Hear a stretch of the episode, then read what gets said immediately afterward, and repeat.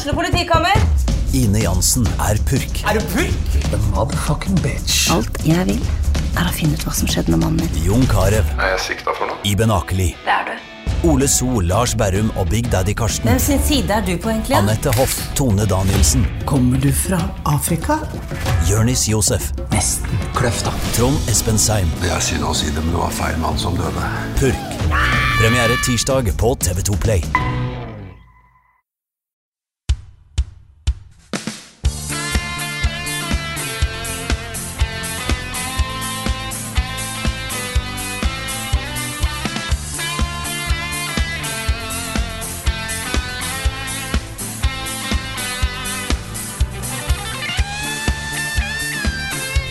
Jubileet er er overstått, kakefatene er rydda vekk, men vi er her fortsatt, selv om vi har blitt fem år! Hihi! Velkommen Fem år. til ny... ja, fem år. Velkommen til en ny episode av podkasten Level Backup. Med meg Frida Dammer, med meg har jeg Karl Martin Hogsnes og Rune Fjell Olsen. Og på mandag 15. februar så ble vi fem år gamle som indieselskap. Vi kan snart begynne på skolen. Gjorde vi ikke det? Nei, Gjorde vi ikke det? gjør ikke det. Nei. Nå er vi i tro trossalderen, ikke sant? Ja. Trossalderen er fem år. Ah. Så det blir ja. noe spennende år framover, eh, når vi bare skal være vronge konstant. Ja, det, var, det varer en stund, da. Ja. Men eh, på den annen side, ikke lage kan, podkast, jeg vil se på Minecraft. på den annen side så kan vi jo også si at vi er 35 år i hundeår. Da er vi. Ja. Følger vi oss litt bedre. Midt i målgruppa vår. Mm. Ja, nei, vi, har, eh, det har, vi hadde jubileum. Da på mandag så hadde vi en seks timer lang superkosestream. Og det var jo bare kos. Det var det. Vi spilte jo Overcooked, så vi spilte Mario 3D World. Vi testa Heave Ho. Som var jo noe noe av det festligste vi har gjort på lenge. Ja, det var, var det var, gøy. Og ikke minst så spilte vi jo litt eh, Jackbox med T-skjortedesign og eh, ymse diverse. Det var stas. Good times. Pantsu Hunter. Pants Hunter. Espen spilte Pants Hunter. Er nesten litt synd at ikke vi fikk spilt det mer, fordi det er jo Jeg ser for meg at det spillet kommer til å bare ta av mer og mer og mer. Nei, Jeg må, jeg må jo si at det er ganske Det føles ganske godt å ha blitt fem år gammel. da. Det er en sånn derre sånn, eh, Ikke usynlig, men en sånn uh, milepæl vi har nådd, da. Som jeg føler er ganske viktig uh, for oss. Uh, det føles ut som vi har på en måte prestert noe ved å ha overlevd som et indieselskap i fem år. Eh, og eh, ikke minst så ble jo da 2020 vårt eh, beste år eh, til nå, rent økonomisk. Og nå går det jo så bra på Patrion at vi kan hente inn Nick som en tredjemann fast da, i redaksjonen.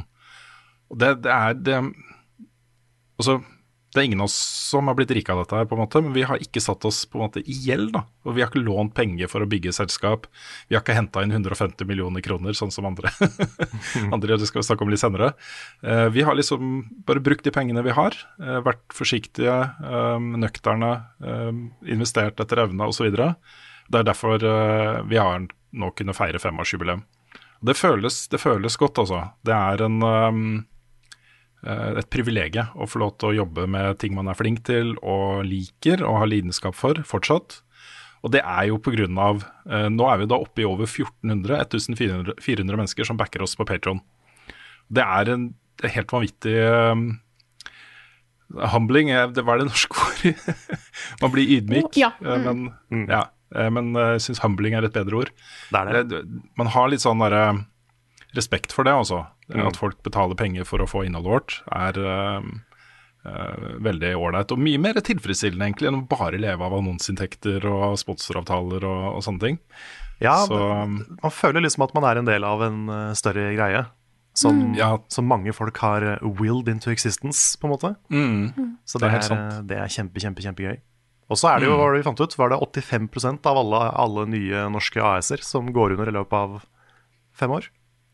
Ja, det var det vår bankguy i DNB sa til oss. Ja, Så vi han er gratulerte da- oss med femårsdagen. Nice. Så da har vi jo faktisk eh, overgått eh, flertallet Mm. Yes. med, med god margin. Nei, jeg har, Dette har jeg sagt mange ganger før, da, men jeg har jo, jeg har jo øh, både sansen for og tro på denne forretningsmodellen øh, i årene framover. Fordi det er så mye sånn horeri ute i, i øh, mediebildet. Og så mye sånn sponsor. Man gjør liksom hva som helst for å tjene penger. Clickbait, uh, kjipe sponsoravtaler osv. osv. Og og vi er ikke store liksom. Ver verken i norsk eller internasjonal sammenheng så er jo ikke Level Up en stor YouTube-kanal. Uh, sånn mellomstor. Uh, vi har et par og 30 000 uh, som abonnerer på oss på YouTube. Men det er, det, det er så deilig også, å kunne være på den størrelsen og være komfortable med det og ha muligheten til å lage dette innholdet uten å gå på akkord med oss selv. Mm. Det, det, er et privilegium, altså. Så um, tusen hjertelig, hjertelig, tusen millioner, milliarder, tusen, tusen takk til alle som, uh, som velger å bruke en slant i måneden uh, på Patron. Det er um, kjempebra. Og tusen takk til alle også som sprer innholdet vårt, og som bidrar på streams og sender inn spørsmål til podkasten og er i community og på Discord og Mm. sånt. Det er et herlig community, dette her. Og apropos ikke gå på akkord med oss selv, så er det bare å glede seg til eh, neste del av historien om at jeg ikke får meg en pult.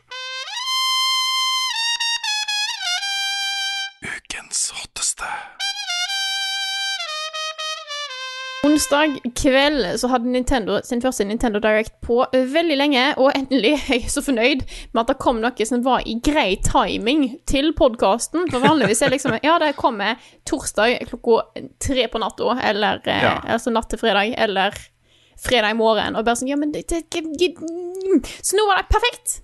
Eh, Ja, vi har sittet noen ganger klokka ni på morgenen på fredag, eh, eller midt på natta etter en pressekonferanse for å spille inn den siste delen til podkasten og sånt, bare for å få det med, da. Mm. Det er kult at vi kan gjøre det, men det er, det er deilig å slippe. Men dere satt nå live i går kveld for oss eh, og dekka dette her, og det dukka jo opp Det var litt små drypp og noen litt større drypp innimellom. Ja, i forkant så Vi snakka litt om det på, på streamen også, men i forkant så hadde jeg lave forventninger til Directen. Jeg trodde det skulle bli en, eh, en eh, gjennomgang av ting som er godt kjent fra før. eh, og at, at kanskje de største nyhetene ikke kom før uh, seinere år, da. Um, rett før Directen så begynte liksom Nick å snakke om ja, nye Switchen kanskje, og sånne ting, og da ble jeg litt hypa. Så uh, mens man satt og så på den, så fikk jeg en litt sånn underwhelming følelse. At ja, ok, det var en del nyheter her, men uh, det er ikke noe sånn du, du stopper ikke pressen, som det het før i gamle dager. Nei, Um, Nei, jeg, jeg tror det var mye pga. at det var den første directen på halvannet år. At folk var Mm. litt, eh, litt gira på å se noe stort. Ja. Og det var, jo, det var jo store nyheter, og det var jo ting som eh, ble vist her som var kult. mm. Men eh, det var nok mange som hadde blåst opp forventningene litt vel mye, kanskje. Det er jo alltid det. Og så går det rykter på internett noen som skriver at jo, nå blir alt vist, sant, og så blir folk hypa. Eh, og du har jo lyst til å ha litt sånn der, å, tenk om dette her skjer, sant. Men når de går ut og sier at ja, det blir 15 minutter, som er ganske langt, men at det blir fokus på spillene som kommer det neste halvåret, så, så tenkte jeg OK, nå, nå, nå kommer ikke de store greiene. Mm. Så uh, ja. Og det ble jo litt eksemplifisert da, av at uh, Eiji Ao- Aonuma, som er da producer for eh, Zelda-serien hos uh, Nintendo Jeg husker fortsatt det øyeblikket hvor han på en måte fikk stafettpinnen fra eh, Miyamoto. Det skjedde jo på etere, hvor han eh, ble liksom henta fram. Nå er det han som er sjefen, ikke sant. Miyamoto som overlot ansvaret for Zelda til han.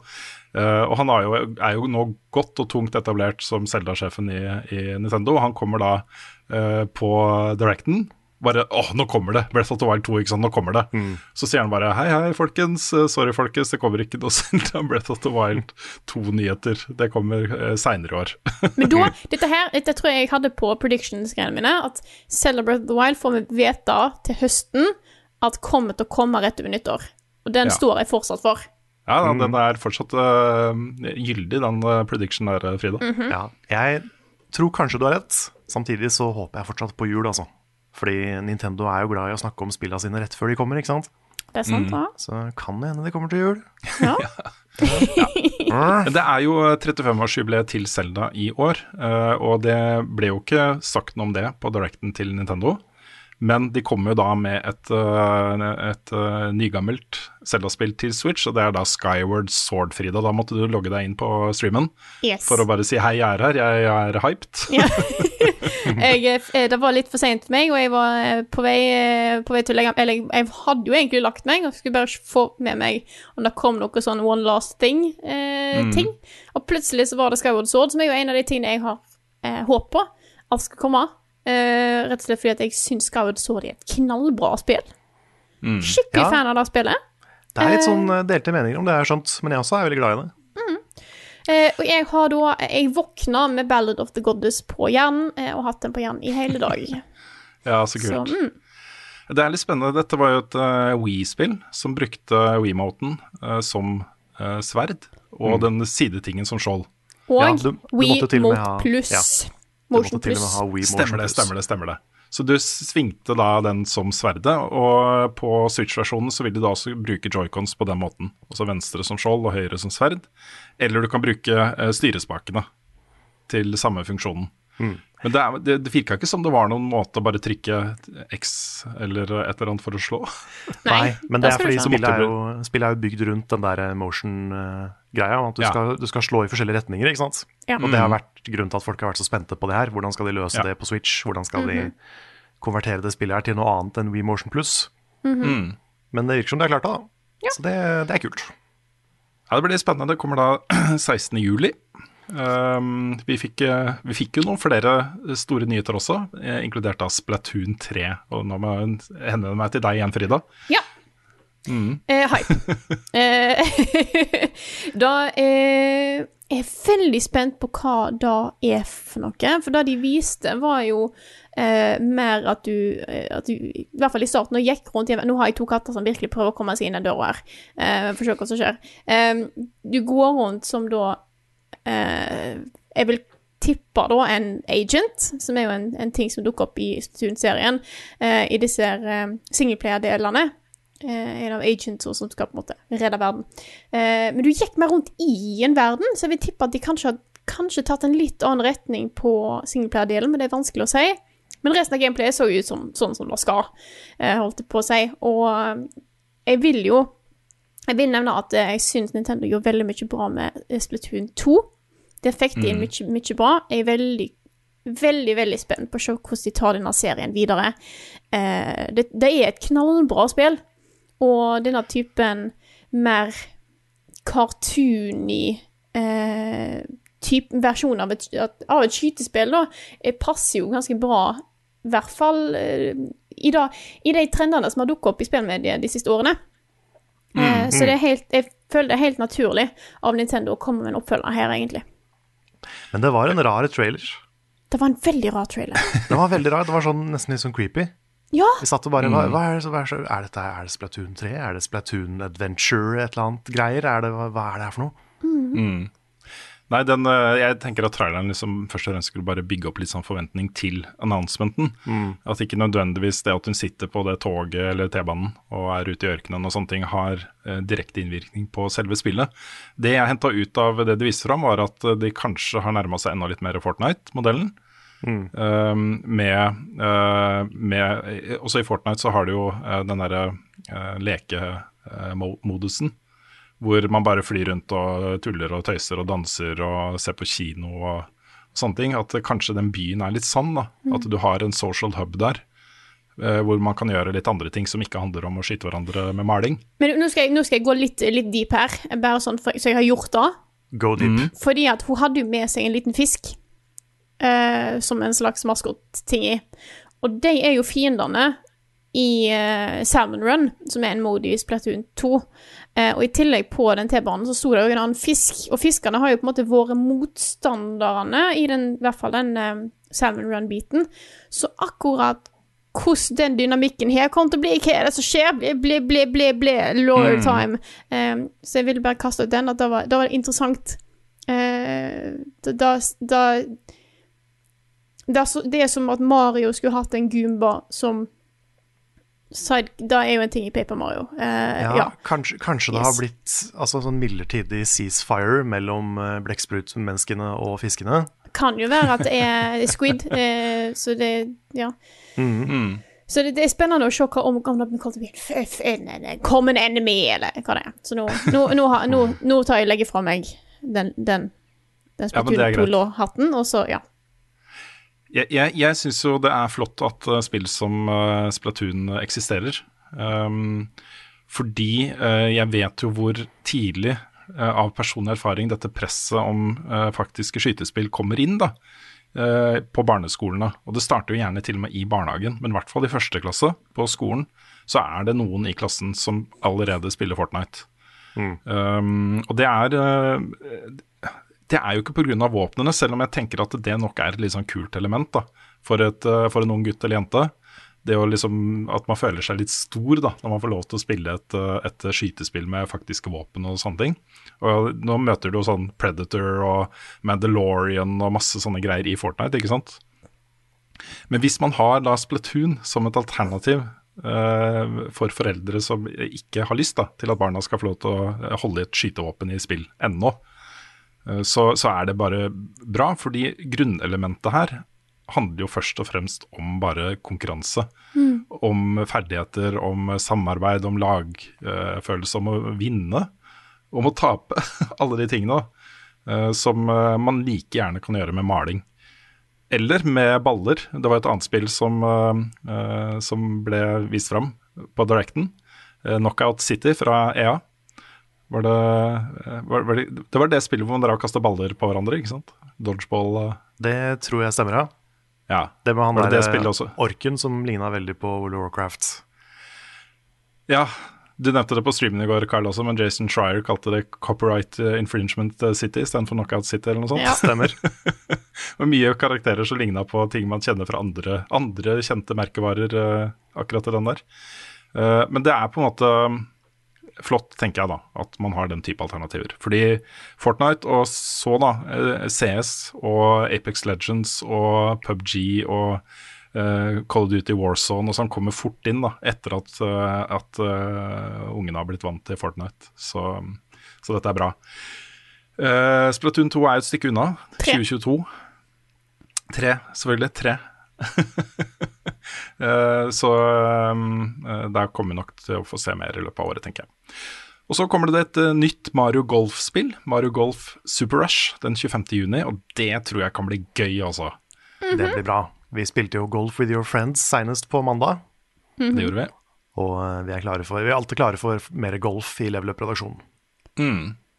Jeg har altså jeg har, jeg, jeg har kun ett forhold til Mario Golf, og det er Mario Golf Toadstool, Toadstool Tour, som var på GameCube. Da har jeg eh, spilt dritten ut av, og jeg innser at det er jo egentlig, det er jo egentlig litt gøy. Så eh, dette kommer nok jeg til å teste eh, Prøve meg ut på, tenker jeg.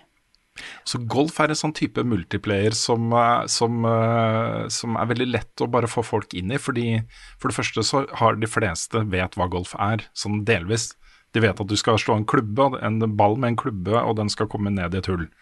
Eh, og det er liksom mer enn det trenger du ikke av eh, kunnskap om sporten da, for å kunne bare sette deg ned og spille det, ikke sant.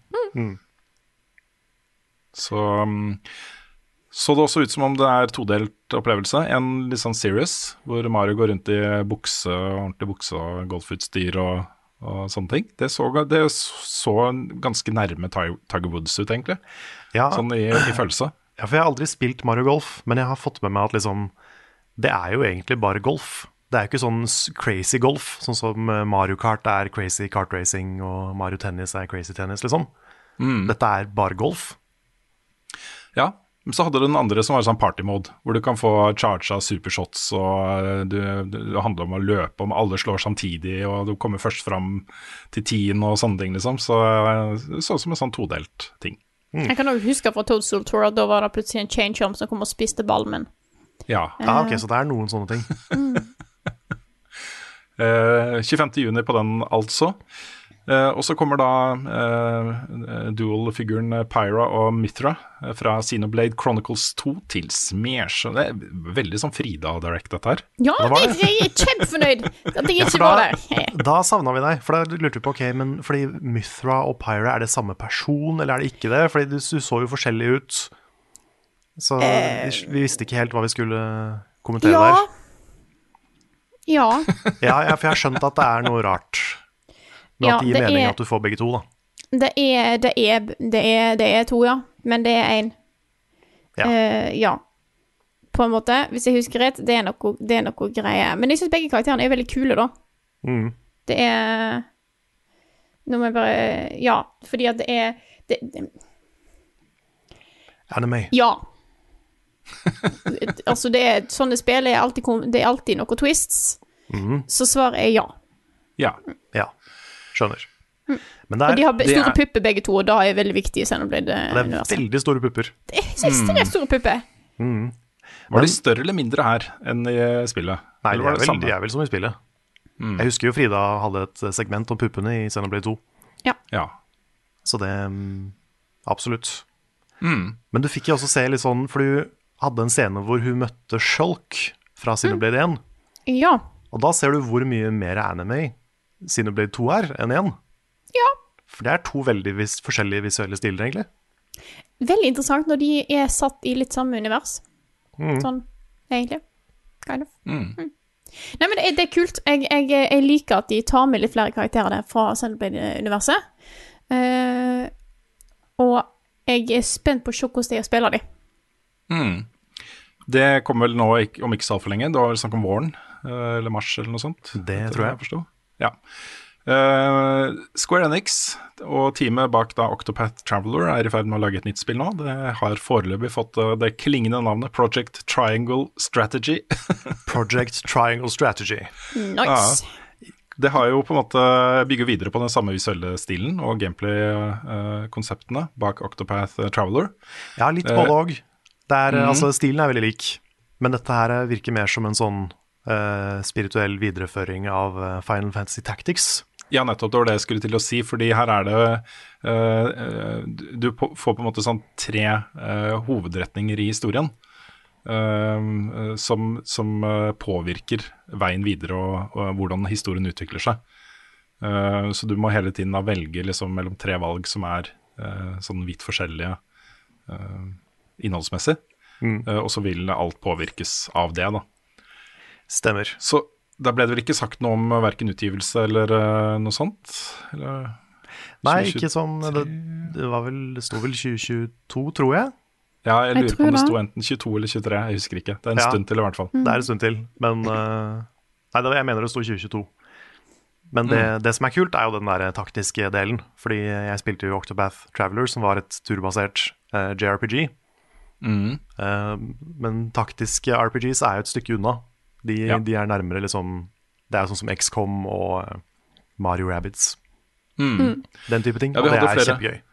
Ja, er flere moments i den traileren hvor du var bare 'This is my cup of tea'.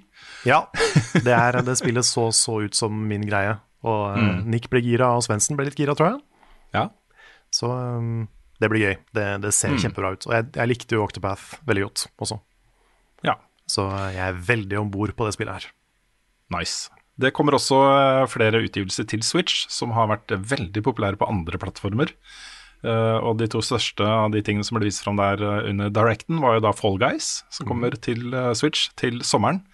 Da tipper jeg det også kommer til Xbox til sommeren. Jeg tipper det eh, kommer samtidig til andre plattformer. Spørsmålet er hvor mange egne Nintendo-skins får Fall Guys Ja. på Switch. Mm. Og hvordan blir det med crossplay? Jeg tipper også at det vil være fullt integrert. At du kan spille med PlayStation og Xbox og PC. Og Kan vel jeg tippe. Så, men en veldig gledelig nyhet for eh, Switch-spillere, mener jeg også. Det her er en, eh, en fin utvidelse av biblioteket. Og Det samme gjelder jo da på den litt mer kunstneriske enden av skalaen. Outer Wilds kommer til Switch senere i år. Det er jo en perle av et spill oh, som uh, alle bør få med seg. Så ja. Hyggelig å se den enden. Det her, Out of Wilds føler jeg liksom er i, i eh, litt sånn Hades-enden av skalaen på biblioteket. da hvor man har liksom kvalitets indie-utgivelser som tilbyr noe litt annet enn bare øh, kos og lek og moro, da, men som er på en måte litt sånn dypere um, greier. Ja. Be Begge deler er greit. jeg, bare, Jeg har, jeg har fortsatt ikke kommet meg gjennom Outer Wilds, så kanskje jeg skulle gjort det på en, på en stream eller noe sånt. Da pekes i retning Carl. Det gjør det. Gjør det. Det, ja, det var, det var riktig. For meg òg. skulle være vanskelig. Ja. Det kommer et øh, Det her er sånn herlig sånn blanding av følelser på den traileren her. Et nytt Star Wars-spill til Switch øh, fra EA. øh, utgitt av EA, da. Eh, Star Wars Hunters. Det er et Det var sånn yay! Og så er det da et free to play, online squad-basert arena multiplayer-spill. Utviklet av Zynga. Ja. Så det er liksom sånn der, det er sånn lass av følelse. Ja, det, det kan bli kult, men det, oh, oh, Ja. nei, hva? Det er litt den derre oh. Ja. Hva er det Zynga har gjort igjen? Det er jo Farmville. Ja, de er det er svære, svære på sånne, ja. sånne type spill. Ja, Facebook uh, pay to win-spill, holdt på å si. Det er det, der jeg har det navnet det er vel ikke pay to win engang, det er vel pay to progress. Ja, Ja. og EA kjøpte jo det selskapet for eh, ganske mange milliarder kroner for en stund siden. Her eh, ser vi litt resultat av det. Det kan jo bli gøy dette her, altså. Eh, Men vi får se. Vi nevnte jo så vidt også Knockout City. Det kommer 21. mai. Multiplayerspill med masse rare figurer som kaster baller på hverandre i en by. Mm. Eh, det kommer et nytt spill fra utviklerne av Danganronpa den 28. mai, som heter World's End Club. Det var en herlig eh, trailer, eh, folkens. Ja, det, det så ut som det hadde litt samme tematikken som Danganronpa, med at eh, de, de er, alle disse eh, elevene er fanga i en eller annen sånn der døds, dødslek. dødslek, hvor de skal prøve å rømme fra the game of death. Og det er jo litt det som skjer i Danganronpa også, men eh, stilen her var ganske mye søtere. Det var vel litt mer sånn chibi små figurer som uh, hadde veldig anime-personligheter. Så um, det er ikke sikkert det er like mørkt og dystert som det Danganronpa er. Det, Eller så plutselig tar det en Happy Tree Friends-vending, og så det kan jo skje, det òg. Kanskje det bare er liksom Det skrur opp the cuteness for at det skal føles verre. Mm. De er litt eh, sadistiske, de folka der. Ja. Så you never know. Nei, det, det så spennende ut. Eh, og så eh, siste jeg har satt opp, da, det var mange andre ting som ble nevnt. Også alt fra Ninja Guiden Trilogy, remastered versjoner til uh, Samurai Warriors 5 og mange andre ting. Så uh, hvis du vil ha alle nyhetene fra Nintendo Directen, så ligger det massevis av det ute på nett overalt.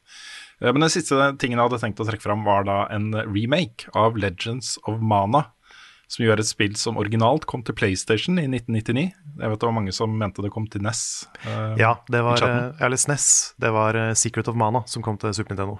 Nettopp. Så dette er da PlayStation 1-spillet Legend of Mana, som eh, jeg tror Jeg er usikker på om det har vært tilgjengelig på noen andre plattformer. Kanskje det kom til PC.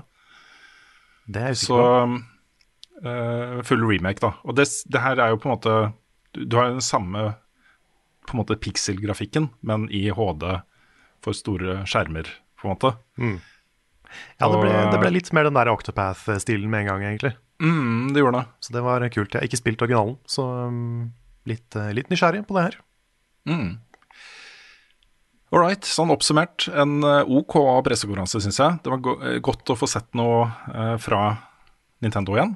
Eh, men det er jo mange store hull her. Eh, hva gjør det med Metroid? Hva gjør det med Bayonetta? Hva skjer med Zelda? Kommer det noe nytt Mario? Mm, Donkey Kong er 40 år i år. Donkey Kong er 40 år. Så det, jeg forventer meg liksom mot sommeren. Ja. Uh, da tar de fram kanonene sine, og så får vi liksom en litt hottere direct, da, tipper jeg. Ja, ja for nå, nå har det kommet fram at det skal være E3 på en måte. Det skal være en digital E3. Mhm. Og Jeff Keeley skal ha sin uh, Summer of uh, Game uh, Action Fest. I, uh, skal- man skal begrense til liksom én måned, da. Ja. Så det kommer jo ting i sommer. Betyr det at vi kommer til å få en litt sånn her kul sommer igjen, eller, eller Det blir gjenstår å se. Jeg tror dette er en direct der de har Fordi at nå, siden det var, spesielt siden det var så lenge siden sist eh, Korona har gjort mye dritt, så det er sikkert derfor de har venta litt ting. Men nå har, hadde de plutselig veldig mye på en gang. Eh, jeg vil òg trekke fram Mario-ting til Animal Crossing. ja, det glemte jeg denne. Eh, det syns jeg så helt herlig festlig ut. Eh, Og Det beste der var jo eh, var den warp-tuben. At du kan sette opp et rør på øya di. Det er jo fantastisk. Ja, det er fint. Det er veldig bra. Men, uh, men, men det matcher jo ikke looken og filen til øya mi, ikke sant? Nei, Skal Du kan gjemme vet det bak noen trær. Ja, Ja. Nei, jeg jo tenkte på at det, på en måte, dette er gøy hvis du ender opp med å lage full Mario-tema, men ellers så vet jeg ikke helt hvordan jeg skal inkludere det. Men det er, altså, det er sikkert mange som kommer til å kose seg mye med dette her, spesielt kanskje litt yngre eh, folk. Men ikke, ikke noe shade hvis du er eldre og har lyst til å bruke det òg, selvfølgelig. Bare slå deg løs. Do whatever you want. Uh, men uh, jeg tror de hadde veldig mye nå som de hadde lyst til å få ut av småting, uh, litt større ting, sånn at de har gjort det. Mm. Fordi at dette, må, dette skulle ut nå snart, sant? Uh, og så har de begynt å tease noen av de større tingene som kommer seinere. Men jeg tror det kommer da, utover våren mot sommeren, så tror jeg de kanskje kommer til å trekke fram de større tingene. Mm. Tror dere vi nå kommer til å få se en ny Switch i år, sånn som ryktene sier? Hva er, hva er deres magefølelse på det? Jeg tenkte jo at hvis det skulle skje, så kom det til å skje nå. Ja. Ja. Um, og de har jo ikke Altså, Nintendo 3DS var det utrolig mange av.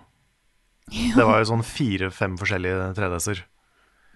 Men det har jo aldri vært en ny versjon av en stuekonsoll fra Nintendo. Nei. Nærmeste er jo, som vi snakka om i går, den expansion packen til 64.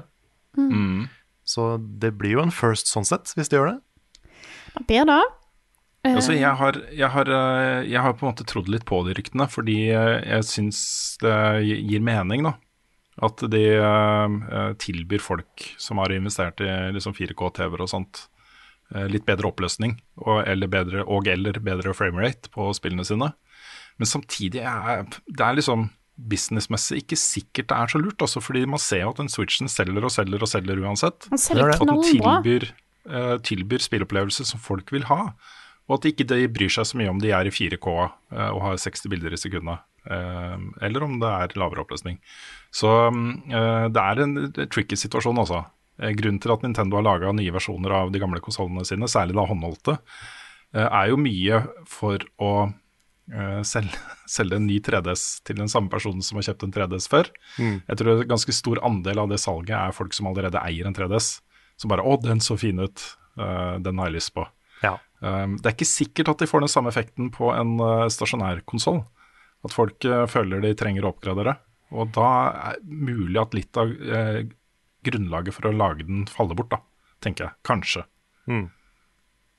Så, um, så får man den store problematikken som man har sett i enkelte utgivelser hvor, uh, på Xbox. Hvor du hadde liksom først uh, Xbox One, og så Xbox uh, One X, og, og, som ga liksom mer datakraft. Og nå har du Series S kontra X. Man må lage liksom forskjellige versjoner av spill, og er, hva er den beste opplevelsen? Er det en fullverdig opplevelse på den lavere modellen? Sånne ting, liksom. Det er Skal man gjøre det, så må man liksom ta utgangspunkt i at det eneste man kan tilby øh, som er bedre da, på den kraftigere versjonen, er høyere oppløsning øh, og eller bedre framerate. Hvis man begynner å tulle med andre ting, liksom, raytracing osv., så, videre, og så, videre, så begynner det å bli en sånn gap mellom de to som er eh, både litt vanskelig å håndtere rent spillmessig, altså utviklingsmessig, og som er litt vanskelig å forholde seg til som forbruker. Så, Og det, det er Nintendo er muligens ikke tjent da med å eh, ha det gapet. Men eh, jeg vet ikke, jeg også. Nå vet jeg ikke lenger. Nei. Det er, eh, ja. Nei, de, altså, de lå jo et, en generasjon bak med Wien, sånn sett. Der hvor både PS3 og 360 var HD, mens Wii ikke var det. Så kan det jo være at de venter til neste generasjon. Hva har du spilt i det siste? Carl har spilt det mest aktuelle denne uka her, som er jo den nye DLC-en, kan en kalle det, til Super Mario 3D World nyutgivelsen. Det stemmer. Jeg har spilt hele Bowsers Fury. Oh. Og det er, eh, det er et sånt rart Det er et rart spill. Fordi det er på en måte Det er jo solgt som en slags delelse til det nå åtte snart år gamle, sju år kanskje, gamle Super Mario 3D World. Men det er jo også egentlig et helt nytt spill. Helt uavhengig spill. Som har uh, sine egne mechanics og sin egen uh, stil. Men det bruker Ja. liksom assets og power-ups og sånn fra 3D World, da. ja, Det er særlig kattetema da, som de har videreført inn i uh, Bowsers Fury. Ja, alt er pus. Ikke sant? Sånn literally hele spillet. Altså, trærne har katteører, liksom. ja, ja, ja. Så alt er katt, og det er kjempebra. Ingenting imot det. Ingenting imot det. Uh, nei, men eh, jeg ble veldig positivt overraska over det. Fordi jeg tenkte at liksom, kanskje dette er jo en liten, liten add-on til 3D World, liksom. Sikkert ikke så langt, men eh, jeg har vel brukt ca. tre timer på å runde det, og så brukte jeg sju timer til sammen på 100 av det. Så det er jo ikke et svært spill, men det er liksom en, en god chunk av Mario, liksom. Um, men det som er annerledes, da Fordi 3D World er jo, har jo veldig multiplayer-fokus. Du skal kunne spille det med fire spillere samtidig. Det er ikke noe fritt kamera. Det er ingenting sånt. Det er, eh, det er liksom mye mer partyspill.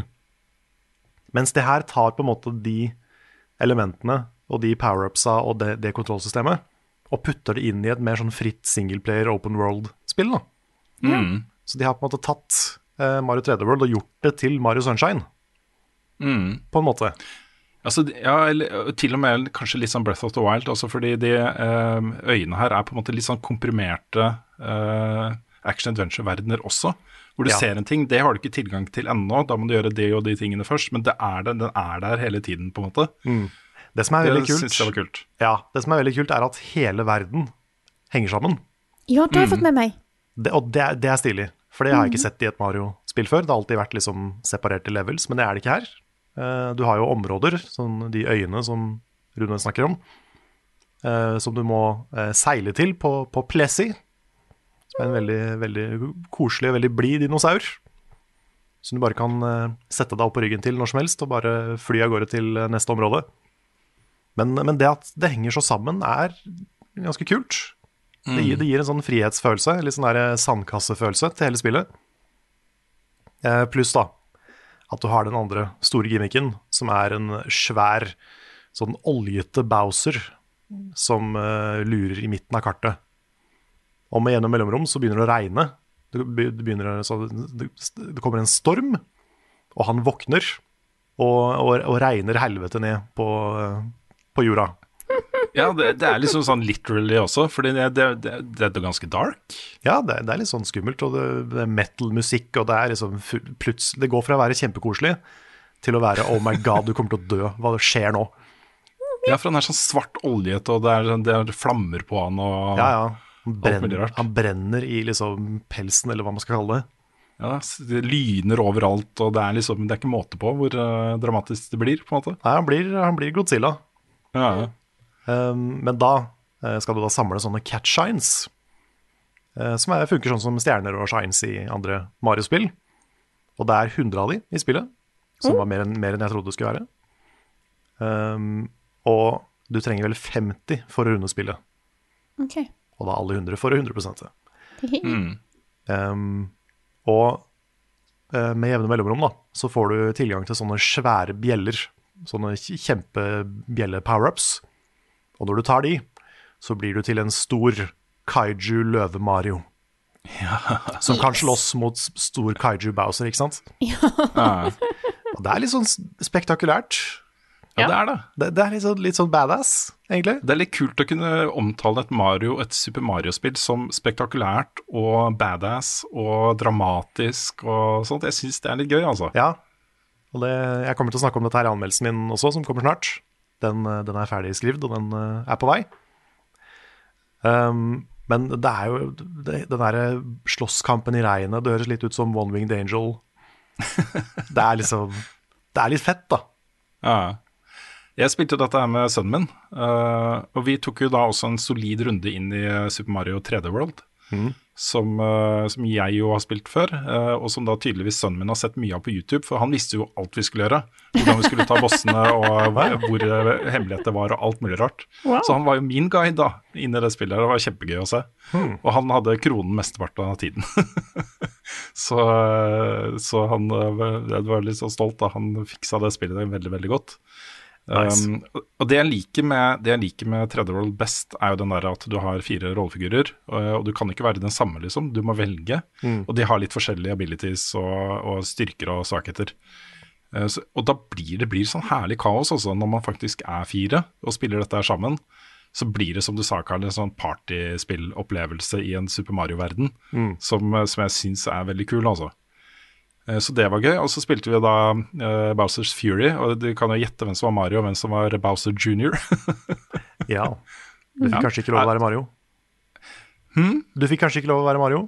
jo, jeg, jeg, jeg, det var kanskje ikke så åpenbart. Nei, Jeg det- trodde det var ok, så du var Mario.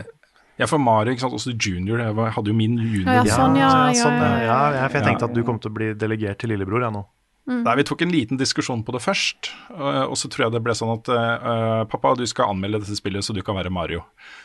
Ah, Så jeg skal da også anmelde det for NRK, eller vil si, eh, ja, det blir en litt annen type, det blir ikke en ren anmeldelse av spillet. Um, men Bowsers, uh, Bowsers Furious var fett, altså. Vi hadde det kjempegøy, og uh, sønnen min syntes det var ordentlig gøy å være Bowser Jr. og bare fly rundt der og hente de tingene jeg ikke klarte å nå hjelpe meg, da.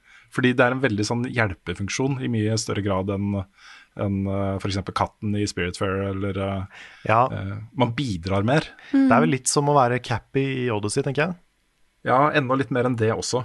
Ok. Um, hvor man faktisk man, man gjør aktivt ganske mange greier og åpner opp veier og sørger for at uh, ting skjer. da.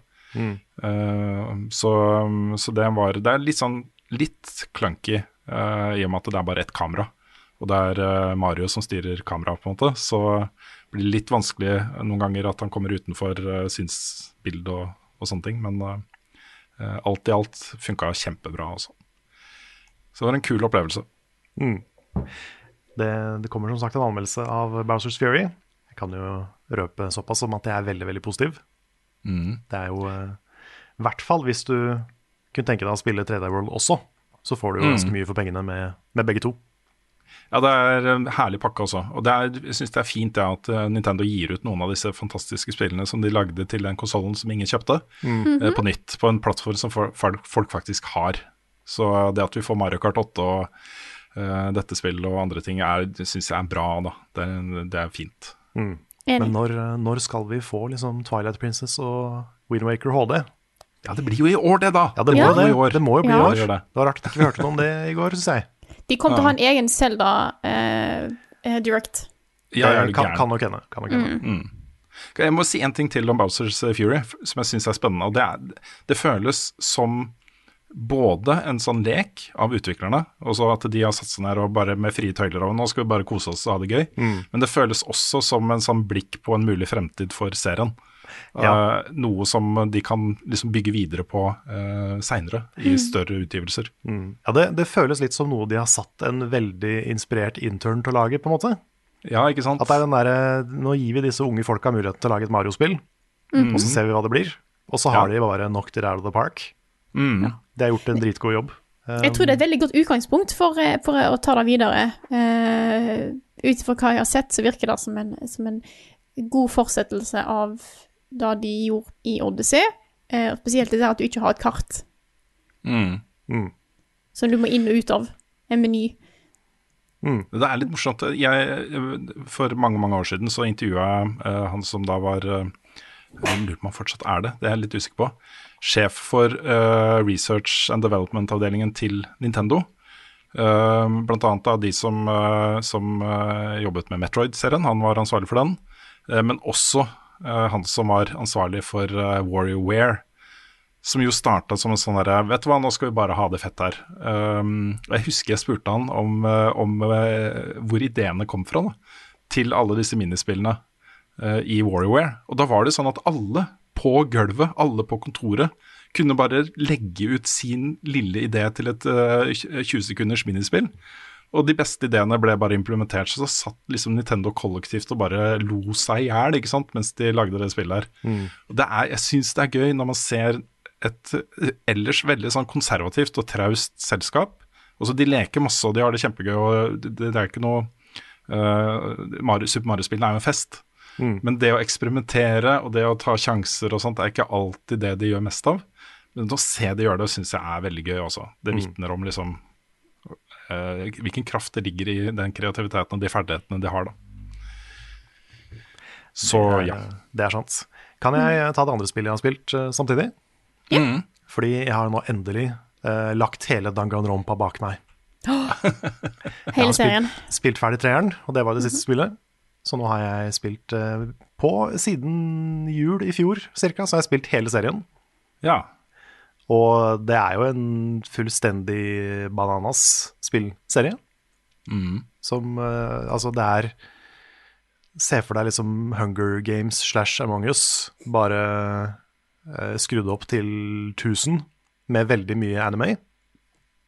Um, og det er jo plot twist the series, på en måte. Det er umulig å se noen ting komme. Og til og med da jeg var på siste kapittel i det siste spillet, hadde jeg ikke snøring på hva som var i ferd med å skje. Så det tok jo fullstendig av, og det var eh, en eller annen form for social commentary som jeg fortsatt driver og eh, tenker litt over.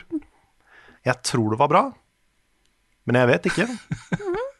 Jeg, må, jeg føler at jeg må liksom fordøye det, den slutten der i sånn et par år for å komme til om jeg syns det var bra eller ikke. Men, eh, men jeg står jo ved det jeg sa for eh, noen podcaster siden, at det her føles som en serie som er skrevet av et litt sånn Hidio Kojima-type geni da de var veldig unge. Ja. Ja. Da de var liksom 15, kanskje. At det er, liksom, det er veldig mye smart og veldig mye genialt her.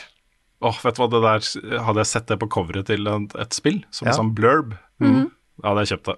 Ja, ja men det er, fordi det er, så, det er en sånn fascinerende kombinasjon av teit og bra. Som jeg bare Jeg får liksom ikke helt nok av det. Det er derfor jeg slukte hele serien nå. Det er jo litt det jeg elska Vi snakka litt om det på Directen til Nintendo også, men uh, No More Heroes-serien til Suda 51 og Grasshopper er jo uh, De to spillene som kom til Wii, elska jeg.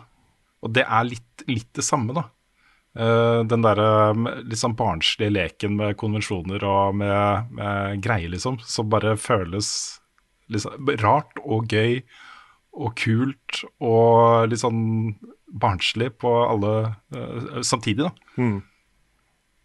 Så det er kult. Det er det. Jeg kommer alltid, altså Eksempelet jeg alltid kommer tilbake til, er i Danganronpa 2, når en av casene hvor det har skjedd et mord, og den saken henger sammen fordi en av de som er involvert, har blitt en slags cyborg, Ja. og den andre som er involvert, har trent hamstere. Så det er, det er sånne mordmysterier da, hvor det er viktige elementer. Ja.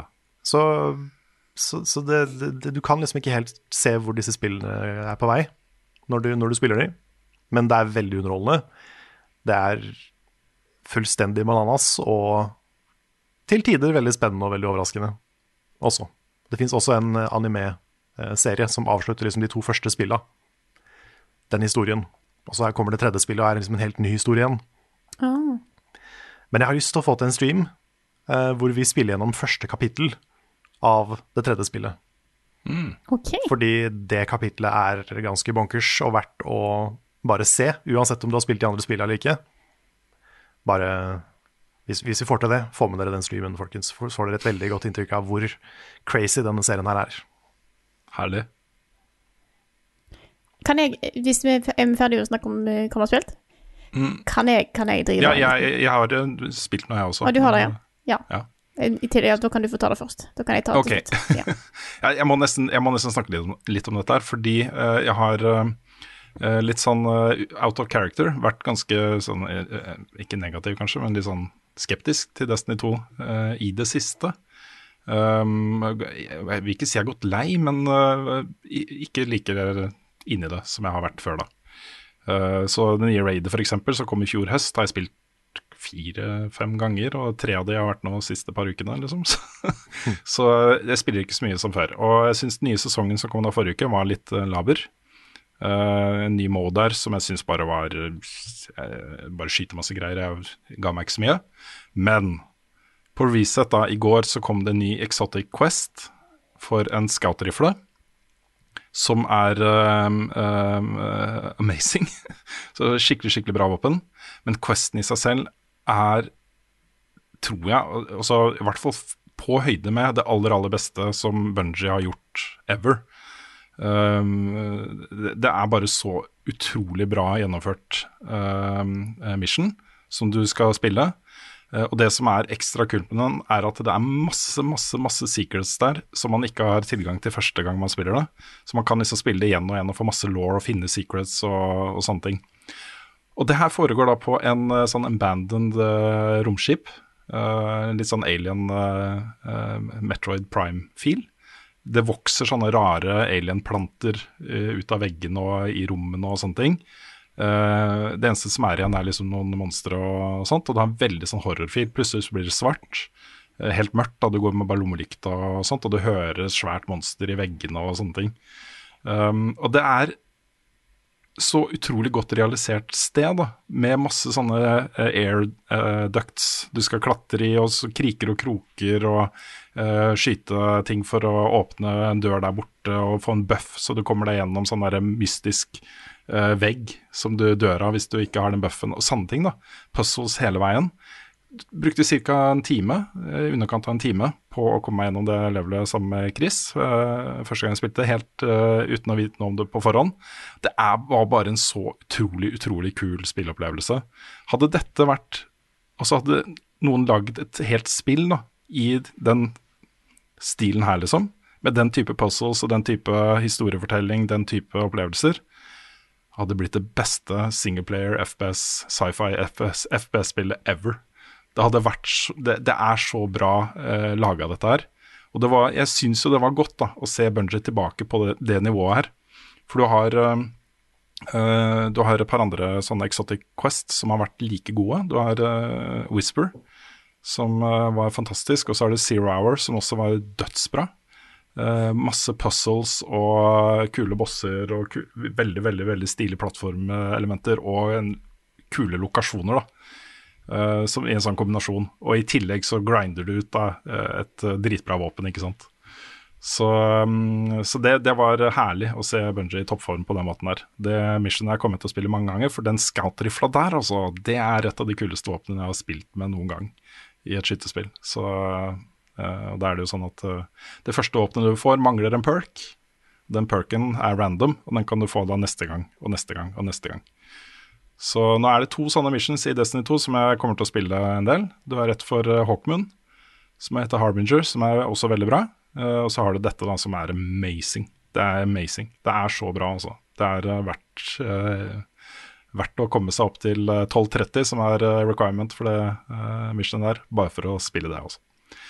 Så det vil jeg anbefale på det aller, aller, aller varmeste. Og I tillegg da, så Um, spiller jeg masse andre spill om dagen, men det kan jeg ikke snakke så mye om før neste uke. Skjønner. Så, mm. Riktig. Da, det, det, var meg da, Frida. Ja, da vil jeg bare komme For jeg, jeg, jeg, jeg, det, jeg skal ta det kort, men det er en liten sjølpromotering her uh, igjen. Uh, fordi på, på lørdag uh, klokka halv fem så vises Trondheimsfinalen i Forsker Grand Prix på NRK2. Ah, så hvis du ikke fikk det med deg da, så ta og sjekk det der. Det er min TV-debut. Nice. Famous. F famous. Så jeg tenkte bare å kaste inn den. Hvis du ikke så det i høst, eh, hvis du så det, så er det det, det, er det samme. Men nå klipper til TV. Så. Ja, du gjorde en utrolig god figur, så jeg anbefaler jo alle, alle å se det. Det var kjempegøy å se på.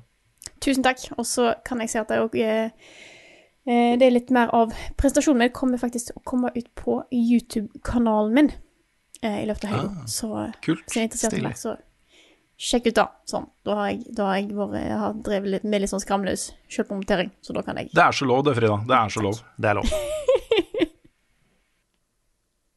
Denne er jo kjempebra.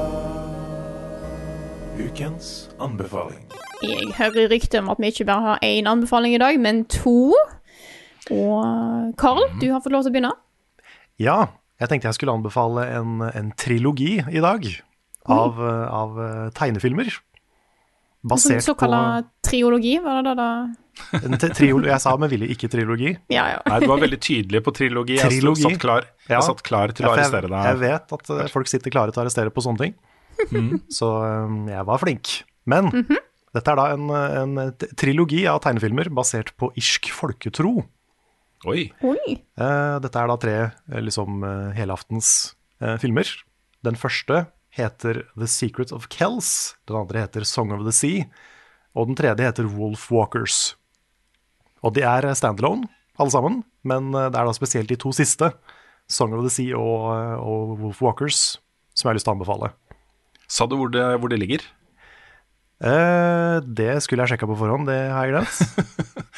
litt viktig informasjon. Kan jeg, mens du leter, så kan jeg nevne at dette er jo helt perfekt anbefaling, Carl. Ja. For det er ikke så lenge til uh, den der store delscenen til uh, Assassin's Creed Valhalla kommer. Som jo foregår på Irland og handler om keltiske greier. Riktig. Se her, ja. Det skal være tilgjengelig på Apple TV, i hvert fall. Ja, nettopp. Um, men ja, Eh, grunnen til at jeg vil anbefale disse her, da, er at de er for det første veldig fine filmer. Som kan eh, ses, eh, ses av hele familien. De, er, de, de, tar for seg en litt sånn spennende mytologi som ikke jeg kunne så mye om på forhånd. Um, og jeg får litt sånn Studio Ghibli-feel av de, pluss at det er en veldig, veldig veldig kul visuell stil på de. Sånn hver eneste frame ser ut som et litt sånn abstrakt maleri, liksom. Mm. Så um, anbefaler å slå opp en trailer eller sånt for, uh, for disse filmene. Og den, det første er jo fra ganske gammel. Den er fra 2007, tror jeg. Skal vi se, dobbeltsjekke Så kan si Sea er fra 2014, og Secret of Kells er fra 2009. Mens da Wolf Walkers, det nyeste, kom i fjor. Nettopp. Og eh, disse er, det er kjempe, kjempe, kjempefine filmer. Så det er eh, min anbefaling. Men, eh, kult å se veldig... sånn, noen eh, animasjonsfilmer som eh, ikke er fra de store. mm, Nei, dette fikk jeg veldig lyst til å se. Det var en god anbefaling, Carl. Takk, takk. Den er godkjent. Ja, men det er, det er bra at den eh, består Runes eh, kvalitetstest.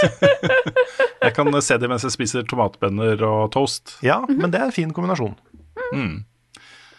Yes, jeg har en anbefaling jeg også. Den eh, føler jeg nesten at jeg må anbefale. For det er en uh, dokumentar som jeg har gleda meg sjukt mye til å se, og nå er den tilgjengelig i Norge. Uh, på NRK via streamingtjenestene. Uh, og den heter 'Framing Britney Spears'. Ja. Og det, det var masse snakk om den siden den kom ut på Hulu for en stund siden. Og det her er jo en utrolig fascinerende historie eh, om hva som har skjedd med Britney Spears eh, etter storhetstiden hennes. Um, og, og det er jo også den hashtag, hashtag Free Britney Spears. Det har blitt en sånn bevegelse da, uh, som, um, som fra utsiden kan virke litt sånn derre Ikke bry dere så mye om heltene deres, da, folkens. Men hvis du bare ser den dokumentaren her og ser uh, hvordan de snakker om uh, hvilken betydning Britney Spears har hatt i livene deres. Og Det er jo da gjerne folk som har slitt med depresjoner, folk som har slitt med eh, beslutningen om å komme ut av skapet, eh, slitt med å være annerledes, som har følt veldig sånn tett bånd til Britney Spears. eh, og måten hun har eh, vært på, da. inkluderende og alle disse tingene. Så det er en veldig sånn for dem er det veldig viktig, eh, det som foregår. Og Det som har skjedd, er at her snakker vi da om eh, en 30, nå 39 år gammel dame som fortsatt ikke har kontroll over sitt eget liv og sin egen økonomi, for det har faren hennes. um, og dette er jo da, Dokumentarene handler jo da om uh, arbeidet med å få uh, Britney Spears til å være en selvstendig kvinne med kontroll over sine egne penger. Og det tegnes jo ikke et veldig bra bilde av faren hennes her, uh, må jeg si med en gang. Eh, mens moren er noe helt annet. Noe helt annet. Så du får jo da først historien om eh, hvordan Britney Spears ble Britney Spears. Eh, du eh, går ganske grundig inn på eh, For dette var jo i 1999, liksom. og hun ble jo stor via MTV. Og det var en litt sånn Syns jeg en, både en litt sånn skal jeg si Ekkel, kanskje ikke riktig ord. Problematisk seksualisering av tenåringsjenter som skjedde, ble på en måte introdusert, det er sikkert øh, gjort mye av det før, men det ble på en måte en del av uh, hele mediebildet vårt på en helt annen måte etter Britney Spears. Og det er masse sånne problematiske greier knytta til det, og ikke minst så i denne dokumentaren så får de jo se hvordan verden behandlet henne. Og så, eh, Vi snakker 17 år gammel, liksom. 16, hun var 15 da hun slo gjennom. 16-17 som var stor de spørsmålene hun fikk på talkshows og sånne ting, om puppene hennes og osv. osv. er utrolig Det er litt vondt å se på, altså. Ja. Jeg, jeg husker den perioden der. Mm. Da gikk jeg på barneskolen. eh, Da Britney Spears begynte å ta av. Jeg var, var vel nesten ungdomsskolen, tror jeg. Men, eh, men det var Det var en sånn, mors, sånn Ikke morsom, det var en rar kombinasjon. Fordi eh, sangene og musikkvideoene hennes var jo sånn superseksualiserte. Men Britney Spears og Christina Aguilera og Jessica Simpson og alle de damene som uh, dukka opp på den tida, de skulle jo være jomfruer, og de skulle være sånn super pure. Uh, og Ja, ja. liksom aldri, de skulle ikke ha sex før ekteskap. ekteskap. Og det var en sånn rar kombinasjon av de to tinga. Ja, så de ble, det ble, de ble jo veldig veldig store blant unge jenter. Du ser litt den samme effekten nå med Billie Eilish uh, og en del andre artister, som blir omfavna av uh, tenåringsjenter fordi de er sånn empowering.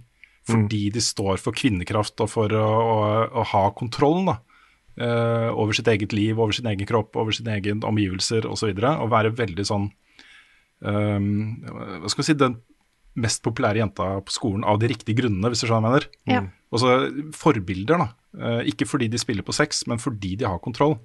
Eh, og det, det du, Skillelinjen her går da mellom de som på en måte er eh, hva skal man si, genuine, ekte fans av f.eks. Britney Spears, eh, i målgruppa for Britney Spears, og så har du da eh, voksne mennesker som Uh, har et annet blikk på hele henne, da, og uh, måten hun er på, eh, hvordan hun oppfører seg og hvordan hun kler seg og sånne ting.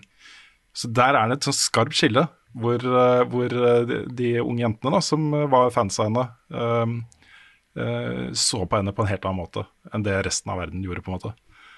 Så det, jeg, jeg syns hele dokumentaren her er sjukt fascinerende. Også det er et godt bilde på eh, hvordan mediene utvikla seg i den perioden, fra da slutten av 90-tallet og ut i 2000-tallet. Eh, hva slags innvirkning da Britney Spears og andre hadde på eh, generelle mediebildet som omgir oss. Eh, men det er også en fascinerende historie om en veldig interessant person. Da. Og eh, det er jo et overgrep som har blitt gjort her. Eh, uten tvil, liksom. Eh, både fra verden, også fra omgivelsene og måten Britney Spears har blitt behandla på i medier, eh, og da eh, hennes nærmeste. Jeg Hvor hørte om den saken her uh, nylig. Uh, nei, nylig, det er, det er for seg litt sånn å si. Jeg hørte om på en måte, hvordan hvordan livet til Britney Spears er, med at det er andre som styrer, da. Og Mm. jeg tenkte Går dette an? Ja, det er jo oppretta via rettsvesenet da, i USA, så har faren blitt hennes verge. Det er Ja. oppretta et vergemål. Eh, hun har ikke kontroll over sin egen økonomi i det hele tatt. Det er faren hennes som styrer hennes økonomi. Da gir eh, plutselig utbruddet hennes der hun eh, fjerner håret sitt det, Ting gir litt mer mening, på en måte. Det gir mye mer mening, altså. Nå er det jo eh, Jeg vet ikke hvor mye vi skal gå inn på det, men hun er jo litt ute på sosiale medier akkurat nå, om dagen. Og det er jo Man får jo ikke inntrykk av at det er en person som har det spesielt bra, for å si det sånn. Nei. Og det er, eh, det, dette er ganske stygt, altså. Det er en, en ganske fæl historie som ja. Så skal det jo generelt mye til å komme helskinna ut av det musikkbransjefenomenet. mm, Og bli så stor og så kjent. Du blir jo ødelagt i huet av mindre. Ja. Yep. Men ok, jeg anbefaler den dokumentaren også. Den heter eh, 'Framing Britney Spears' ute på NRK på streaming akkurat nå. Det er eh, dypt interessant, altså. Veldig, veldig interessant eh, dokumentar. Da kan jeg også skyte inn helt til slutt at eh, de to første filmene i den trilogien jeg anbefalte, de ligger ute på Amazon Prime. Jeg regner med at den tredje Ah. også kommer dit. Ja, nice. Så Den har jeg. Her kommer nyheter med Rune Fjell-Olsen, og han har ikke hår. Vi begynner i Norge denne uken med en eh, ganske juicy, juicy sak. Hvor eh, da Joakim Haraldsen, også kjent som Newbork, og hans Omaken eh, e-sportorganisasjon, har nå henta inn 150 millioner kroner eh, fra investorer. Og de pengene, deler av de pengene har de brukt på å kjøpe opp Heroic, som er et eh, dansk eh, stjerne-e-sportlag i CSGO. Um, og Joakim sier nå at uh, målet er å bygge opp en e-sportorganisasjon på høyde med Team Solomid og Team Liquid. Uh, du har da det nye CSGO-laget, du har PubG fra Omaken, du har uh, Simracing-laget til Omaken. Og målet er liksom da å hente inn flere lag, da. Uh, vokse på den måten her. Det er en um, uh, interessant satsing. Frisk satsing, vil jeg si. En stor satsing. Ja, 150 millioner. Ehm, I tillegg, og dette er litt sånn ullent for meg, for jeg leste den saken på NRK, hvor jeg også er eh, sitert da, litt, men det var en del av den informasjonen som jeg ikke visste på forhånd.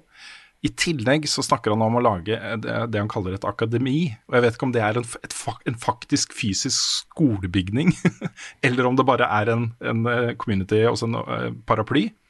Uh, hvor målet er å bare samle alle som er spillinteresserte i Norge og Norden. Um, som en slags sånn derre mellomting mellom høyskole og e-sportskole. Jeg vet ikke helt hva det akademiet skulle være for noe. Men det, det handler jo da om å liksom tiltrekke seg ungdom som er interessert i spill og e-sport, eh, og som vil ha et, eh, en, et fellesskapsfølelse rundt det. da. Um, noe mer konkret enn det vet jeg ikke. Men det ligger i hvert fall tanker rundt en sånn akademisatsing her, som, som er litt spennende. Det som er litt interessant her, da, det er jo at uh, dette er jo ikke første gangen uh, Joakim, også da kjent som New Work, det nevnte jeg vel kanskje i starten, eh, har prøvd på dette her. Han hadde jo en satsing som het N47, eller N47, eller hvordan man uttaler det. 47 er en, koden for Norge telefonkoden. eh, som gikk konkurs, da. Det er, jo ikke, det er jo ikke et år engang siden den satsingen gikk konkurs. Det var i mars i fjor. Eh, spennende å se at han har klart å samle inn så mye penger eh, igjen. Og det er jo det store spørsmålet her. Hvordan skal han tjene inn de 150 millioner kronene igjen? For det er jo det altså, Man går jo ikke inn med 150 millioner kroner uten en uh, forutsetning om at de pengene skal komme tilbake en eller annen gang, gjerne dobla eller tredobla eller enda mer. Uh, og det er Det er ikke noen Det er ingen som har knekt den koden ennå uh, i e-sport. Det er ingen som har helt knekt den koden. Hvordan skal vi gjøre dette lønnsomt på det nivået her, på, i den skalaen her? Ennå man har bare en vag formening om at ja, det vokser og vokser, og det kommer bare mer og mer penger, og hvis man ikke er med nå, så mister man det toget, og osv. Men det er på en måte ingen som er helt klart å bevise at, at det er lønnsomhet i dette på sikt, da. I den størrelsesorden um, som dette er. Det er et spørsmål som da både Joakim og andre må besvare nå i årene som kommer. Hvordan skal vi få dette her til å bli mer akseptert i den generelle befolkningen? Hvordan skal vi få de store eh, sponsorene og investorene interessert? Eh, Tine trakk seg fra den forrige satsinga til eh, Joakim Haraldsen, og det var jo det som senka det selskapet. Og det er liksom sånn man kommer inn her med masse penger, og så går det noen år, og så ser man ja, vi får ikke noe særlig igjen for dette her, og så trekker man seg ut, og så faller ting sammen. Uh, på den annen side så ser du da uh, det, det, er jo ikke noe dårlig forbilde og rollemodell å ha med Team Liquid, som jo har eksistert nå i 20 år. Uh, har blitt en sånn powerhouse innen e-sport, og ikke minst de har holdt seg stabilt på toppen lenge. Også det er en stabil, seriøs, tung organisasjon som, som, gjør det bra, og som gjør det bra på mange forskjellige måter. Så, så det er jo mulig å få til ting her, hvis man treffer riktig. Så det er spennende. Jeg vet jo også at Nordavind har jo henta inn masse penger, bl.a. fra Stian Blipp og en del andre investorer. Og de satser litt i samme gate nå som, som dette er da, som Omaken. De har henta inn egne folk som skal sitte og jobbe med social media. Akkurat som Team Liquid og de andre gjør, så har de liksom bygger ut organisasjonen på den måten. da. Og det er ja, Det blir kjempespennende å følge med på. Jeg håper, jeg håper, noen lykkes med det. For det har så store konsekvenser når sånne ting faller sammen. Er, ja, kanskje vi også skal bli en e-sport. Kanskje vi, vi også skal bli en e-sport, ja. Vi skal bli en e-sport. Mm. Mm -hmm. uh, Eller så kan jeg, jeg kan starte Pokémon Snap e-sport. Ja. Hvor jeg prøver å ta de beste bildene, og så har vi turneringer, og så får vi inn noen sponsorer, så det blir bra. Jeg tror Pokémon Snap er den ingrediensen som mangler i e-sport.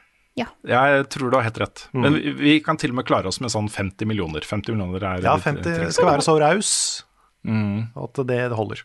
Jeg hadde ikke sagt nei til 49 heller, det går på en måte greit, men det setter jeg grensa. Ja, der må vi ja. diskutere nøye. Mm. Ja, der må vi diskutere nøye. Ja. Nei, det er spennende. Um, en, et, en, satsing som har hatt suksess, uh, litt ut av det blå, er jo Valheim. Valheim. Som er den store snakkisen på nett om dagen det er fascinerende å se hvordan nye spill kommer inn på Steam og bare tar over alt. Ja, sånn helt plutselig. Men noen må, jeg syns noen må forske, hvis ikke de har gjort det, noen må forske på det der. Hva er det som får disse spillene som kommer ut av ingenting, til å bare toppe listene på Steam? Mm. Hva får den ballen til å begynne å rulle? For det, det har skjedd så mange ganger nå. Jeg vil tippe noen store streamere som plutselig tar tak i det. Ja, det må jo være holdt på å si det PewDiePie-effekt. At ja. om ikke det nødvendigvis er PewDiePie, så er det en eller annen stor personlighet som har, begynt, som har oppdaga det. Nei, men Det er jo ikke uten grunn. Når man så EA lanserte Apex Legends i fjor, eh, så eh, var det ikke Man får jo nå et tydelig bevis på hvorfor de brukte millioner på millioner på millioner av dollars for å få da Ninja og de andre store streamerne, Shroud osv., til å streame dette spillet fra ja. launch. Ja, for da, da, var det jo kalkulert, liksom. Og det var jo EA, mm. og de hadde penger til, til å få det til. Ja. Men et Men lite studio som Coffee Stain, liksom? Ja. Mm. Uh, det, det, er vel de som er publishere? Ja, det kan stemme. Ja. Uh, men det er jo sånn som Rust som eksploderte tidligere. Da var jo noen av de store på YouTube slash Twitch som plutselig på en måte OK, la oss spille dette her litt, og så bare mm. Mm. Så Men hvor, hvor Valheim starta, er jeg usikker på. Nei, det, det, er noe med, det er noe med survival-spill, sånn som ja. uh, Raft og de, de, de, blir jo store. De blir ikke så store som Valheim nødvendigvis, men, mm. men det skjer jo noe når den, når den ballen først begynner å rulle. Jo, jo, jo. Altså, Valheim har nå da på to uker som Early Access-spill på Steam solgt to millioner eksemplarer. Liksom Første uka én million, andre uka to millioner. Eh, Det er bare to spill på Steam som eh, ble spilt mer samtidig. Det var CSGO og Dota 2. Så det ligger liksom foran alt. Det er er bare helt på toppen. Eh, Det minner meg veldig om dette her. Den, den eh, Nå er det lenge siden jeg har vært en del av en sånn type øh, trend før, da. Men øh, fra min barne- og ungdomstid, også når alle plutselig skulle ha jojo, når alle plutselig skulle ha Tamagotchi, når alle plutselig skulle ha Ikke sant. Mm. Den derre Det sprer seg, og det, jeg tror det sprer seg uh, eksponentielt mer fordi det er på nett, Ja. fordi det er på Twitch, fordi folk er i communities og snakker med hverandre. og Uh, vennegjenger er liksom, har forgreninger inn i forskjellige communities, og så sprer det seg bare sånn eksplosivt, da, veldig kjapt. Uh, og Du så det samme med Among Us, med Fall Guys, med Rust. Uh, til og med Funcom har jo uh, opplevd jo kjempesuksess med Con Exiles, eh, særlig i starten, særlig de første månedene. Det er, um, eh, det er ganske spennende å se. Det er jo litt av grunnen da, til at eh, vi spilljournalister har blitt bedømt for å være litt eh, irrelevante eh, i dagens mediebilde. At publisherne satser mer på streamere og YouTube-personligheter og sånne ting eh, når det er snakk om å hype spill. Ja. Ja, jeg tror, ikke, jeg tror ikke anmeldelser nødvendigvis er det som selger mest spill lenger. Nei. Nei. Det, det tror jeg ikke. Nei, vi beveger det. Vi er nok mer i sånn kulturenden av den skalaen, tror jeg. Ja. Men det Så- er greit, det. Ja. Det er helt greit. Vi har jo noen planer om å spille Valheim, vi også. Vi har det. Det, det kan være at vi Vi har jo denne serien De bra barbarer, som eh, foregår i Conan Exiles. Så jeg har snakka litt med Nico Svendsen. Vi skal eh, emigrere en tur til Valheim. Nice. Det har jeg lyst til å være med på hvis jeg rekker. Ja. Uh, all right. Uh, mange venter jo på hva Amazon Game Studios skal få til med sine satsinger. Nå ble jo Crucible uh, lansert og lagt ned. Um, det neste spillet deres er jo New World, som er et vilt ambisiøst MMO-prosjekt. hvor målet er jo liksom å bare ta over alt. bli det beste MMO-spillet ever. Eh, og Det har nå da blitt utsatt for tredje gang. Det skulle komme opprinnelig eh, i mai i fjor. Så ble det utsatt til sommeren, så ble det utsatt nå til våren. Og nå kommer det da uh, 31. august isteden. En beta eh, til eh, sommeren. Det er eh, Alt jeg har sett av det spillet har vært veldig interessant, altså. Det virker som om de satser sjukt mye på dette her.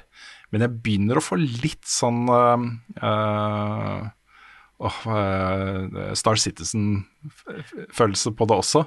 ja. Lurer også litt på om Amazon Game Studios ikke helt har skjønt hvor vanskelig det er å lage spill. Nei. Mm. Jeg vet ikke.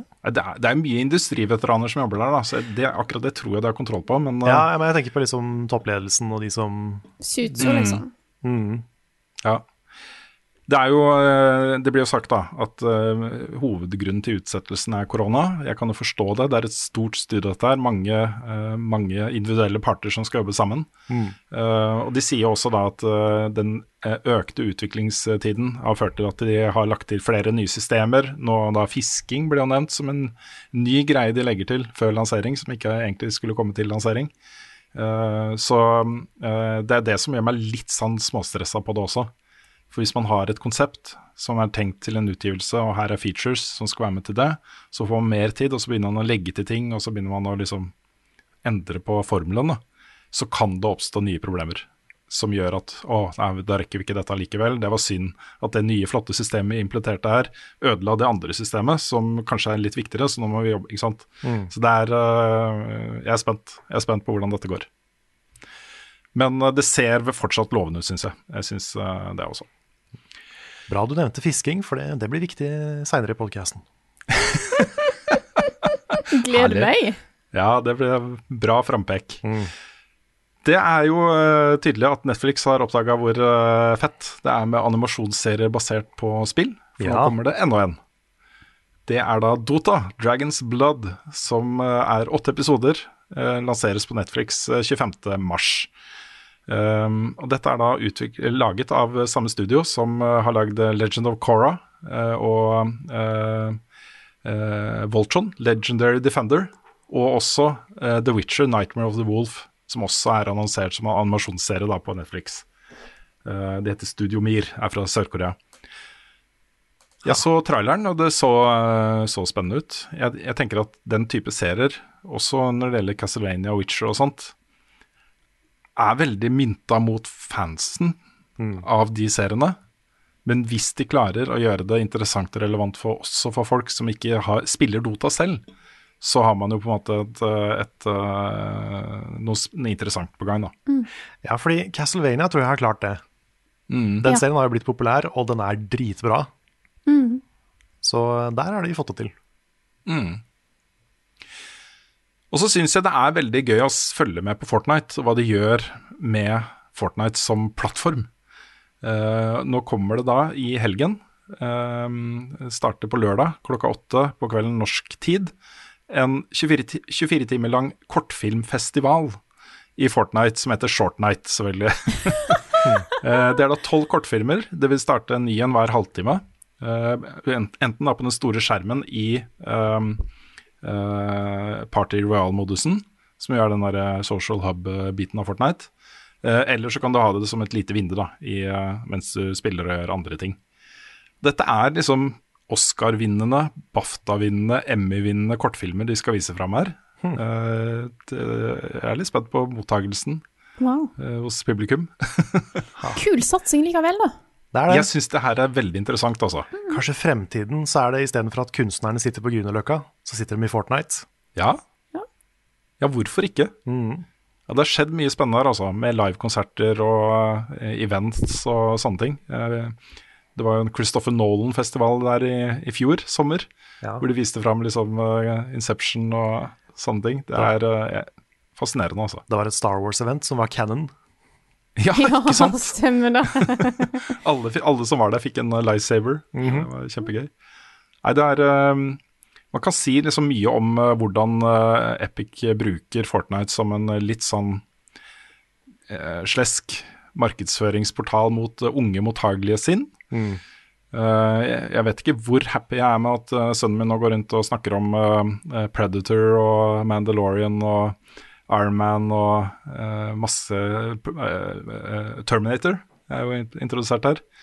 Um, I et spill som det er mye barn som spiller. Da. Altså, det, er en, det er jo åpenbart at Marvel ønsker å liksom markedsføre greiene sine til en målgruppe. Uh, og at ønsket deres er at de skal begynne å abonnere på Disney Pluss eller mase om å få se Marvel-filmer på kino eller et eller annet. Uh, men uh, men ja, det, det er i hvert fall spennende å følge med på. Og så en siste nyhetssak. Jeg så det var mange som uh, hadde lyst til at vi skulle utsette podkasten for å snakke om den. Men uh, da i dag, fredag, klokka 11 på kvelden, norsk tid, starter jo Bliss Conline. Og det blir veldig spennende å følge med hva som skjer der. Nå har det ikke uh, dukka opp så veldig mye sånne lekkasjer. Det blir, går litt rykter om en remake av uh, Starcraft 2 og Nei, Diablo 2 og litt sånne ting. Um, men uh, det, er, det er spennende. Det er mange øyne som er retta mot Blizzard akkurat nå. Og dette er jo et event som normalt sett har vært eh, live. Uh, nå kjører et fullt online-event. Uh, og det er jo da keynoten, altså den åpningsseremonien, som er klokka 11 eh, da i kveld, fredag. Og så vil det da rett etterpå være forskjellige løp for de forskjellige seriene til Blizzard.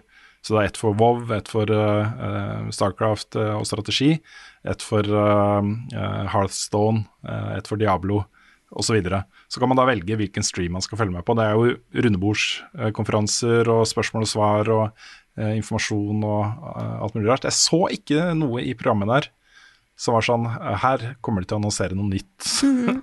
så det, det tror jeg ikke, men det kan hende at det dukker opp ting der. Quick, quick, quick, quick, quick, quiz. Og quiz er her, den kommer nå. Alle blir meia store og små. Du hinta jo litt tidligere i podkasten om et eller annet med fisking, Carl. Nå er jeg veldig spent. Er det, er det her det skal det i wildcard-spalten? Er det quiz? Det er helt riktig. Fordi uh, dette er en fiskequiz. Nice! Fordi det har jo blitt stadig mer og mer populært i spill med fiskeminigames. Og det er jo kjempegøy. Ja, Ja, ikke sant? Så, så dagens quiz baserer seg på det. Eh, Dette er et, en serie av ja- og nei-spørsmål, hvor dere skal gjette, dere skal bedømme om har dette spillet et fiskespill. Nice. Oh, jeg trodde vi skulle snakke om eh, latinske navn på akvariefisk, for der er jeg faktisk rågod. Ja, Ja, det, hadde det hadde vært urettferdig. Ja. Det hadde vært urettferdig. Men, eh, men ja. eh, Så tingene tingen er Måten jeg eh, definerer fiskespill på, det er at du må ha en fiskestang som du eh, kaster ut, og får da forskjellig type napp, ikke sant. For Du får fisk. Ja, men når du sier, nå, nå må du være litt mer konkret her, Karl. Når du sier fiskestang, det må være en faktisk stang. Ja, det må være en fiskestang. Så, okay, fordi så, eh, Sånn som i Valhalla, eksempel, så er det bare et tau du kaster ut. Ja, men Valhalla er ikke med på quizen, så det går bra. Ok, bra. Og det er ikke sånn som i Breath of the Wild, der du kan fiske ved å sprenge fisk. Nei, du må, Nei. du må faktisk kunne fiske. OK, skjønner. Og det er viktig, det må dere, det må dere huske, at det, dere må okay. kunne fiske. Ja. ok. Ja. Ok, Ja. Ja. Er dere klare til å starte? ja. Da begynner vi med Final Fantasy 15. Har det et fiskespill? Ja. Ja. Det er helt riktig. Du kan fange ganske mye badass fisk i Final Fantasy 15. Nice. Vi går videre til Pokémon Let's Go.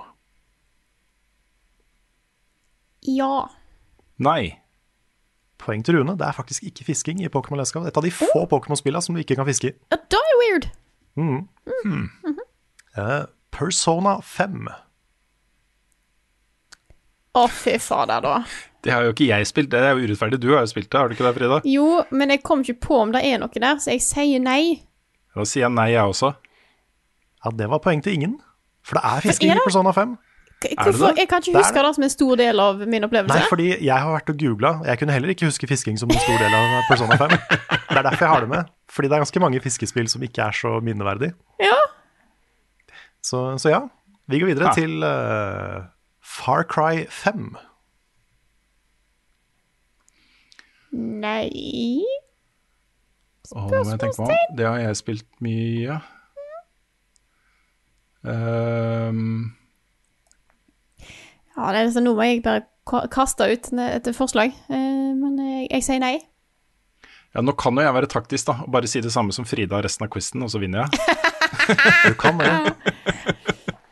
Ja, men jeg sier ja, jeg, for jeg mener å huske at det var Du skulle jo samle mye ressurser og sånt der, så jeg sier ja, jeg. Ok, Frida sier nei, Rune sier ja. Ja. Da er det enda et poeng til Rune, altså. Nei! Far Cry 5 har fisking. Eh, skal vi se her Kingdom Hearts 3. Kan du fiske i Kingdom Hearts 3? Oh. Skal jeg si først, da? Ja. Jeg sier nei, jeg. Da er, det, er, det er helt sikkert mulig å få inn fisking i Kingdom Hearts 3, så jeg sier ja. Du kan ikke fiske i Kingdom Hearts 3. Veldig svarte, da. Så nå drar Rune fra her, altså. Ja, ja da. Mm. Neste er Sonic 06. Nei. Jeg sier ja, jeg. Ja, fordi i Sonic Adventure så kan du fiske med Big the Cat, ikke sant? Og i Sonic, og i Sonic 06 så har du ni spillbare characters. Men det er riktig, Frida. Det er uh, ingen av de som er Big the Cat. Yes. Og du okay. kan ikke fiske i Sonic 06. Takk. Near Automata. Ja. Ja. Er det Det er riktig. Ja. Du kan fiske i Near Automata. Super Mario Odyssey. Ja. Nei? Poeng til Rune igjen. Det er faktisk noen, eh, noen moons du får av å fiske med en eh, lakitu. OK. Som du får en sånn fisk på kroken, og så, så får du shines. GTA 5. Nei. Åh, der har du jo lagt i så mye også. Skal vi Ja. se, GTA 5. Jeg sier ja, jeg. Det er faktisk ikke fisking i GTA 5. Yes. Ah, ok. Det er modda inn av folk. Men det er Ja, ikke Ja, jeg har, jeg har, det, er, det er sikkert det jeg tenkte på. me- jeg mener i hvert fall Hvis det har kommet en update, så tar jeg selvkritikk på det. Men, eh, men eh, sist jeg Jeg leser såpass mye nå at det blir sikkert ikke nødvendig Ja. å Ja. Nei. Hurra. Shovel Knight. Shovel Knight. Det har jeg ikke spilt, Ikke så her må jeg, det blir vill gjetting. Jeg sier ja, jeg. Jeg sier nei. Enda et poeng til Rune. Det er faktisk en form for fisking i Shovel Nights. Det er det, ja. Du kan fiske i sånne bottomless pits og dra opp uh, ting. Hmm. Skal vi se, jeg trenger ikke å ta alle her, men uh, Majora's Mask. Mm, Nei. Nei. Det var litt lurespørsmål, fordi det er fisking i Majora's Mask, men bare på 3DS. Å ja. Da er det poeng. ja hva, poeng, Nei, ikke poeng. poeng. ikke? Ikke poeng. Fordi det er fisking i Majora's Mask, selv om det bare er på 3DS. Okay, Ja, men du skulle spesifisert det, da, for Ja. da hadde jeg sagt ja, ikke sant? Ja, det er, det er det er jeg helt sikker på. Sånn det hadde vært. Rune har ikke spilt Majora's Mask, det vet jeg. Har ikke jeg heller. Nei. Assassin's Creed Odyssey. Nei. Dette har du spilt, Rune. ja, god damn, altså. Fordi det er en del ting du kan gjøre på båten som jeg aldri gadd å bry meg om. uh, jeg lurer på om en av de tingene var fisking. Eh, Ja, nå tenker du så det ja, knaker. jeg sier nei, ja. Nei, er riktig. Du kan ikke fiske i Assassin's Creed Odyssey. The Wind Waker.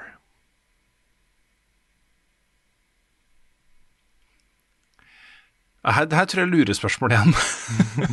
Jeg Det er jo en stund siden jeg har spilt dette her. Og du er jo mye ute på sjøen, men jeg kan ikke huske fisking. Nei, for du, du kaster ut ankeret for å hente opp skattkister og sånne ting. Men kan du fiske? Jeg, jeg tror ikke det, nei. Det er riktig, du kan ikke fiske i uh, Fordi du har to mellomting. Du kan liksom kaste ut ankeret for å finne skatter, og du kan kaste ut uh, bait for å fylle inn kartet. Ja, Men du kan ikke okay. faktisk fiske. Skjønner. Så det var, det var riktig. Disko Elysium. Oi, det har jeg heller ikke spilt. Alle dager fisker i Disko Elysium. Jeg tipper ja. Fisko Elysium. Ja, jeg òg sier Fisko Elysium. Nei, Yes. Du kan Nei. ikke fiske i Disco Elysium. Det var egentlig det. Ja, Så da tror jeg Rune vant. Ja. ni, ni poeng har jeg. Ja, Hvor mange poeng poeng. har du? Ok, Rune vant med ni poeng. Fiskemester Rune Fjell Olsen. Fiskemester. Han vant med tre. Men jeg må jo legge til at jeg, jeg liker å fiske i spill, da. Ja, Jeg syns det er kos. Det er sånn, I sånn Animal Crossing, da får de der kjempefiskene er bare åh. Oh, Ja, det er så det er samme, samme greia i Final Fantasy 15. Det er sånn prima fiskespill. Ja, Valhalla også.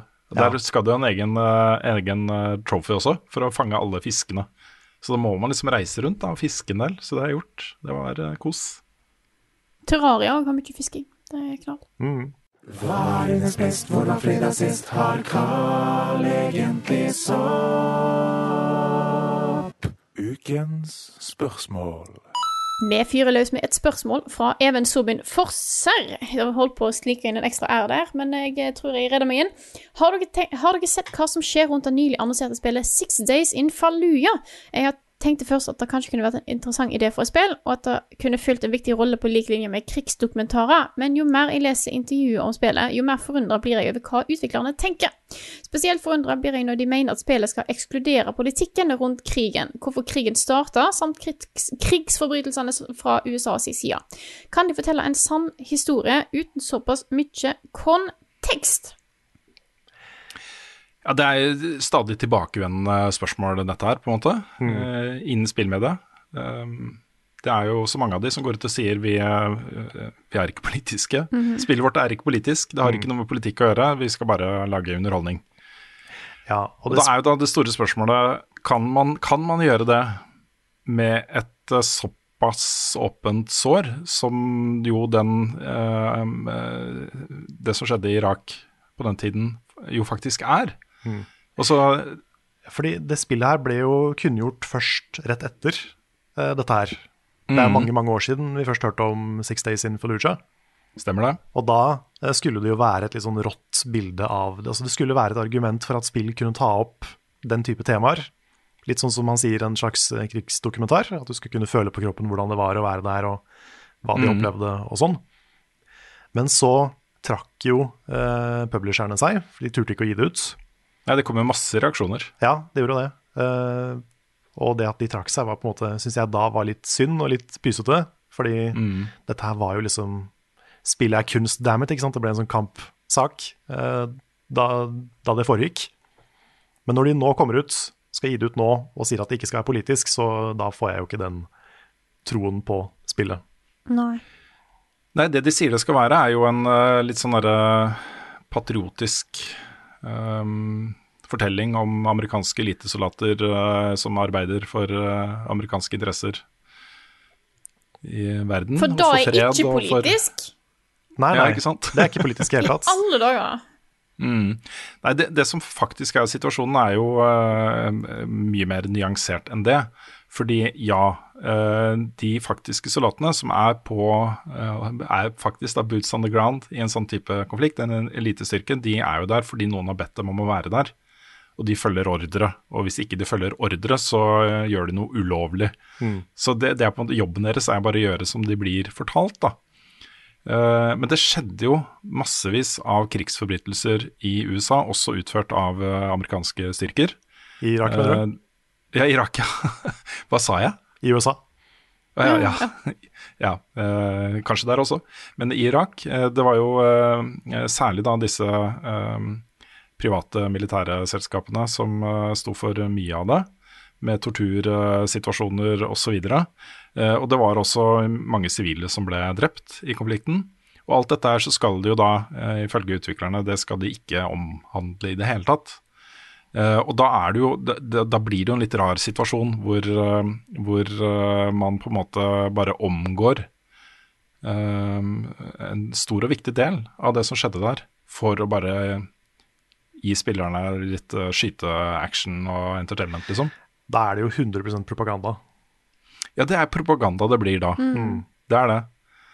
Uh, jeg uh, syns det er en litt sånn interessant vurdering rundt disse tingene. Og så eh, Nå er jo dette en ekte konflikt, en ekte krig og en ekte invasjon. Uh, og en eh, ekte hendelse fra nyhetsbildet og fra livene til folk. Spørsmålet er, er, det, er det Hvor stor er den prinsipielle forskjellen på det og på det å lage uh, en helt lik opplevelse i en fiktiv konflikt i et fiktivt land med fiktive uh, folk, da basert på virkeligheten istedenfor at det faktisk er Altså inspirert av virkeligheten istedenfor basert på virkeligheten? Det er, det er noe der som, uh, som er litt sånn vanskelig å belyse skikkelig, da. Mm. Og du har, du har jo sett litt sånn problemstillinger med Call of Duty, f.eks., med hvordan de har eh, valgt å skrive om historien et par steder. Mm. Med, det var vel noen krigs, krigsforbrytelser som de skrev seg rundt ved å gi et annet land skylda i det forrige Call of Duty. Mm. Så det er jo Det er jo ikke bra, det heller.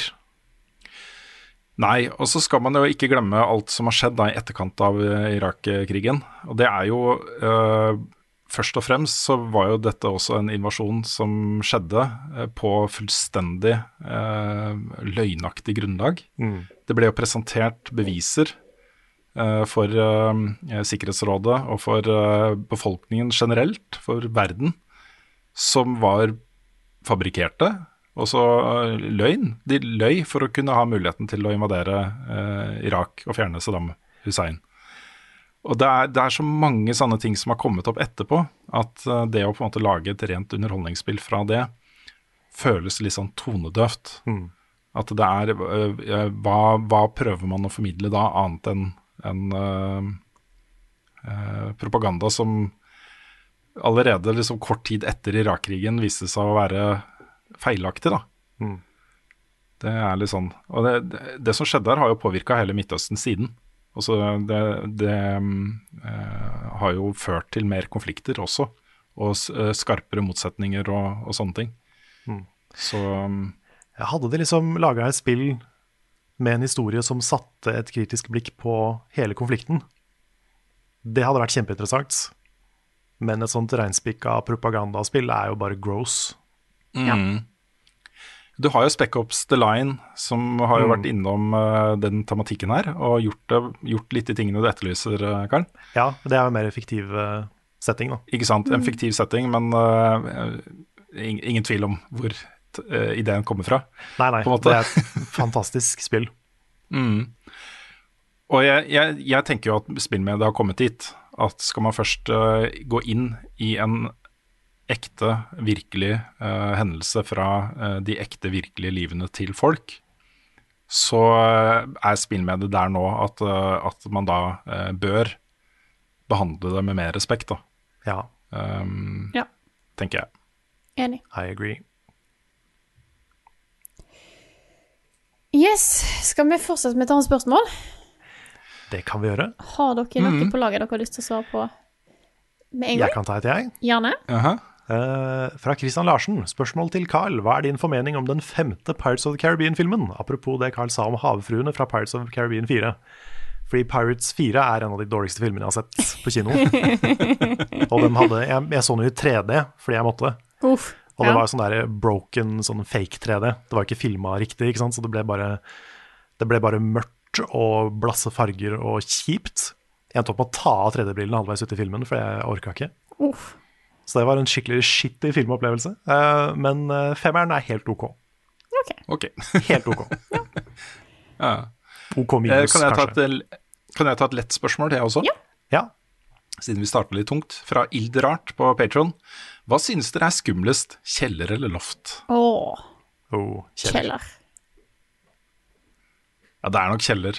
Jeg har ikke hatt så Men, mye, eh, skumle loft. Det er vel mer da? Ja. Nei, jeg har aldri er, hatt er, loft er veldig skumle på film, da. ja. Men jeg, nei, jeg har aldri hatt kjeller. Så jeg er vant til å ha liksom loft, men jeg har aldri hatt Kanskje det er derfor det er skumlere. Mm. Ja, det er noe med det å gå ned i mørket, og gjerne så er det jo lyset i kjelleren er jo gjerne en sånn snor du trekker i, eh, sånn ti meter inn i rommet. Ja. Så du må gjennom mørket for å trekke den snoren, ikke sant. Kanskje det henger noen edderkopper i taket. Ja, det er kanskje det verste. Mer fuktig, kaldere Mm. Men jeg har liksom ikke noe nødvendigvis eh, Altså, vi hadde ikke kjeller Vi har ikke hatt kjeller i noen av husene jeg har bodd i heller. Eh, farmor og farfar har kjeller, men da, da hvis jeg bare overnatter der, så var det sånn åh, nå skal vi ned i kjelleren og se om det har gått noe mus i musefellene. Så det var liksom en liten sånn derre eh, Litt nysgjer- eventyr. Ja, det var liksom eh, litt sånn likevel, men kjellere Ja. er litt mer creepy, syns jeg, altså. Mm. Kan jeg ta et spørsmål her? Det kan Yes. Dette er fra Saltimon. Han skriver Kjempebra Discord dere har lagt opp til Frida. Tusen takk. Hvordan ser du Discord-serveren gå videre, ettersom dere får inn flere folk, flere bots og automasjoner, eller mener dere at det du har, er godt nok? Og eh, For jeg tenkte bare å ta opp dette her. Discord-serveren er jeg veldig glad i. Eh, der skjer det mye greier. Men jeg har, jeg har litt planer, så jeg får se hva det blir framover. Men jeg har ikke Jeg innser at jeg er ikke noe ekspert på Discord. Så hvis folk har ideer til hva de føler mangler for at ting kan bli mer interaktivt eller gøy, eller på en måte mer sånn delaktig type ting, eller om det er ting de føler mangler, så det å gå inn på Discord, på Discord-forslag-serveren. Eh, jeg er veldig åpen for nye muligheter, nye kanaler, nye eh, bots. Det vet jeg ikke hva som går an, så da eh, Da jeg er jeg veldig åpen for. Men, men jeg driver Jeg kan jo si at vi prøver å få eh, Discord-serveren verifisert. Da slipper vi å styre med og hele tida nå bikke opp og under den level 3 perk på boost som gjør at og til mister eh, den eh, vanity-URL-en som jeg er veldig glad i å reklamere for, så det er synd at den forsvinner. Så, eh, så det er planen å få ting mer sånn verifisert, sånn at disse tingene forblir. Mm. Yes. Så vil jeg si også at eh, Discord-serveren vår er jo et godt eksempel på det flotte communityet som er rundt, rundt oss. Fordi det er så fin tone altså, blant folk. Og det er ok, det skjer ting innimellom, som det gjør overalt ellers, men jevnt over et hyggelig sted å være. Og det setter jeg så stor pris på. Altså. Det er kjempeålreit. Og jeg kan jo si at når jeg har nå søkt om å få en partnerstilling eh, på, på Patreon, så var det en sånn segment du måtte skrive om hvorfor. Eh, hva er det som er bra med den serveren her? Og da sa jeg at, da skrev jeg, bare for å kommentere det, at, at vi har et fantastisk community der alle er positive og hyggelige og imøtekommende. Mm. Ja. For da vil jeg si er spesielt for vår community. Så tusen takk, altså. Mm. Det gjelder jo våre Twitch-streams og sånn også. Ja, ja, ja. ja. At det er, det er en god tone, og det er uh, hyggelig å være der. Mm. Ja, det er kjempeålreit. Så det er kjempe, kjempebra. Det er veldig glad for. Kan jeg ta et eh, spørsmål? Ja. Um, det er fra Vegard Kolsvik eh, Kvaran, som lurer på hvor mye eh, seertallene våre på YouTube har å si for oss. Eh, jeg tenker da først og fremst når dere skal skaffe sponsorer og prosjekter. Og er det lov å spørre hvor mange prosent dere tjener på salg i den nye nettbutikken? Hjelper det veldig på økonomien? Um, til det første så, så også, det hadde vært fint om vi runda 50 000 abonnenter istedenfor 30 000. Lettere å gå ut og si til sponsorer at, eller samarbeidspartnere at du, du ser på oss. Mm.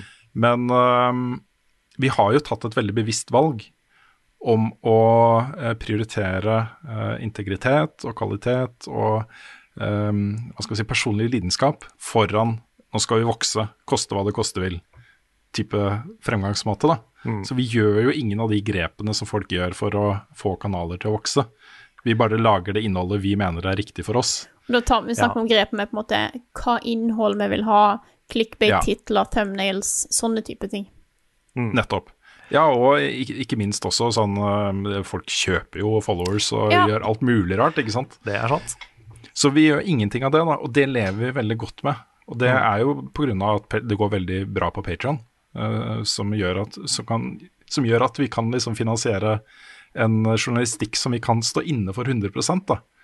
Uh, så, så vi har jo tatt et valg her, og jeg mener det valget er riktig. Mm. Ja, Så- pluss liksom, i tillegg til det journalistiske, bare at vi gjør det vi har lyst til å gjøre. Ja. Sånn som uh, Soulmates, og eh, jeg hadde nok ikke laga så mange episoder av Hardcore hvis jeg hadde Chase of Views, for det, det, går, det er ikke det mest sette. Men, uh, men ja, at vi, at vi på en måte har rom for å lage det vi vil lage, da. Mm. Ja. Og når det kommet til prosent på Ja. Men gjerne sånn ja takk, begge deler. Ja. ja. Så, så det, jeg hadde ikke takka nei til liksom 100 000 abonnenter på YouTube og eh, 40 000 eh, visninger av alle videoene vi legger ut og sånne ting. Det hadde jo vært en ny hverdag for oss. Eh, Men eh, samtidig så ville det nok også introdusert en del utfordringer når det gjelder community som vi skryter sånn av og, og sånne ting. Så eh, det kan, det kan hende at eh, vi kanskje lever godt med å ikke bli sånn som kommer på nyhetene fordi vi har runda 500 000 abonnenter og sånt. Tjene penger på å spille spill. Ja! Yes! Folk trenger ikke å lage sanne saker om oss. Nei. Fra soverommet.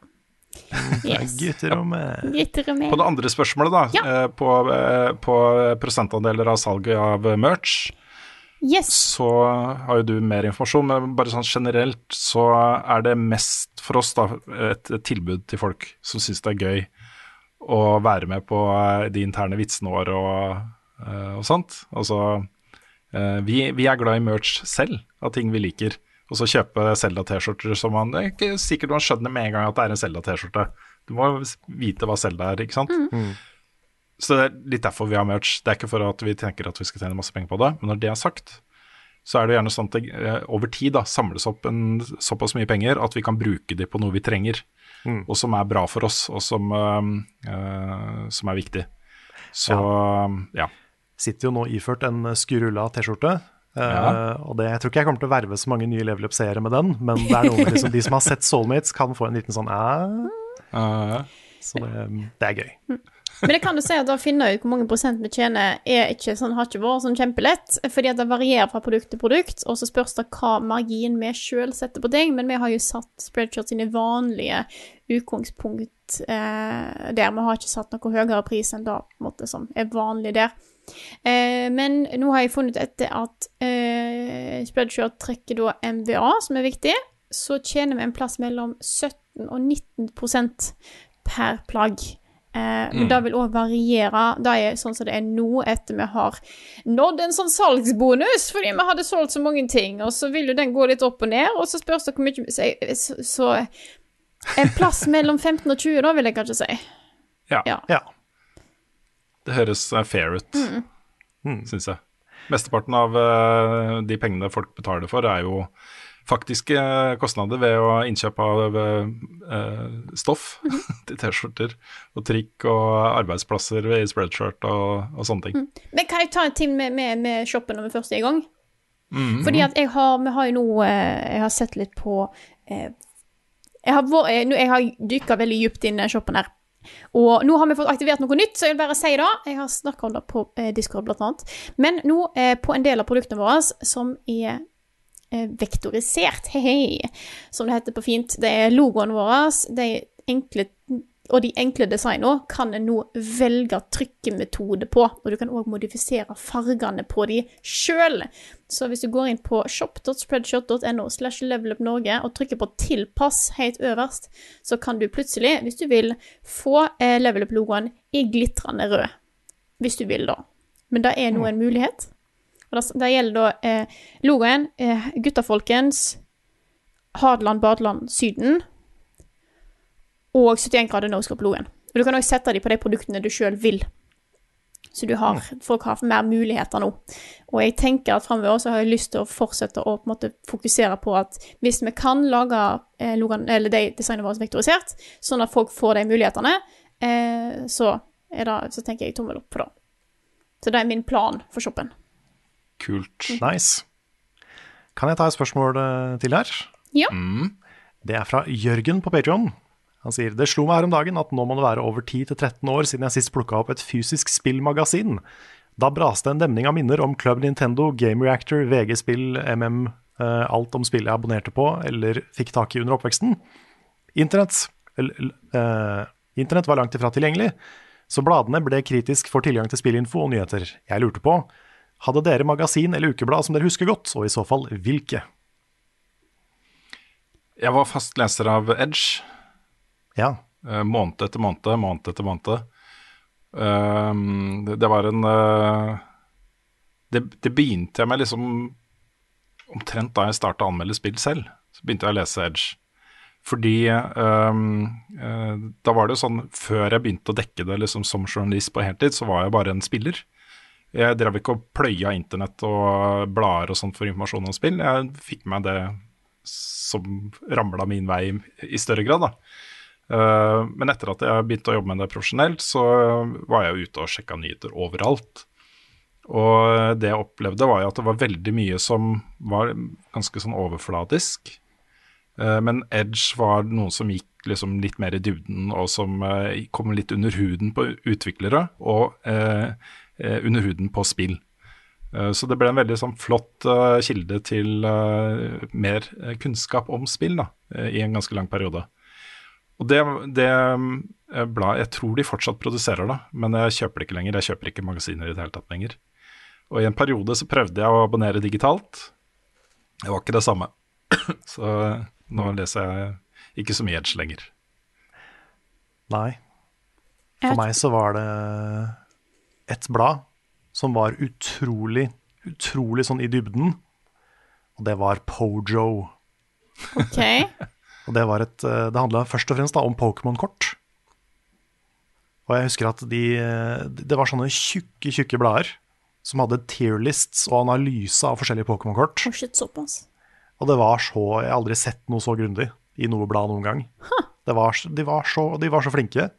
Og de hadde liksom en Det var ikke offisielt, det var et uoffisielt eh, Pokémon-kortmagasin.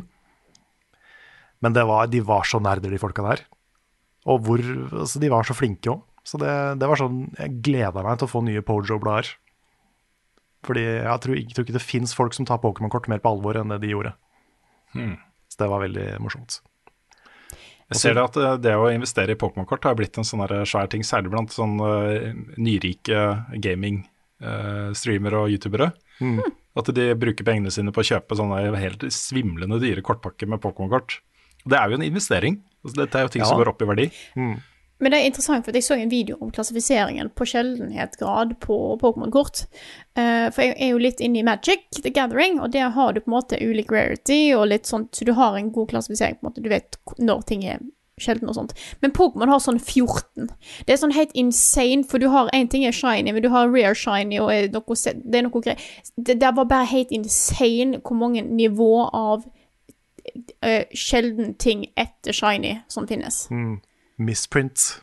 Ja, misprint er jo en ting, men du har også shiny misprint, og så var det et sånn ekstra shiny og noe foil shine. Det var liksom Det var helt insane. Så da, da, det, der er det mye dyre kort, altså. Ha, kanskje jeg skal se litt på samlingen min. Ja. Men uh, dette er sånn eventkort, da. Mye av dette her som er sånn kjempedyrt. Ja, sant. Men jeg kan, men, jeg men, kan Hm? Nei, eh, fortsett. Ja. Uh, jeg las litt sånne spillmagasin i min eh, peak of gaming time, som jeg liker å kalle det, i We-æraen, for da spilte jeg altså det var, Jeg tror det var alt jeg gjorde. Og da abonnerte jeg på jeg tror det er det som kalles Nintendo Magazine, eller Nintendo Official Magazine. Eh, så da har jeg mye av mine skuffer hjemme. Og det var jo der jeg fikk inn Sonic-tegningen min på trykk.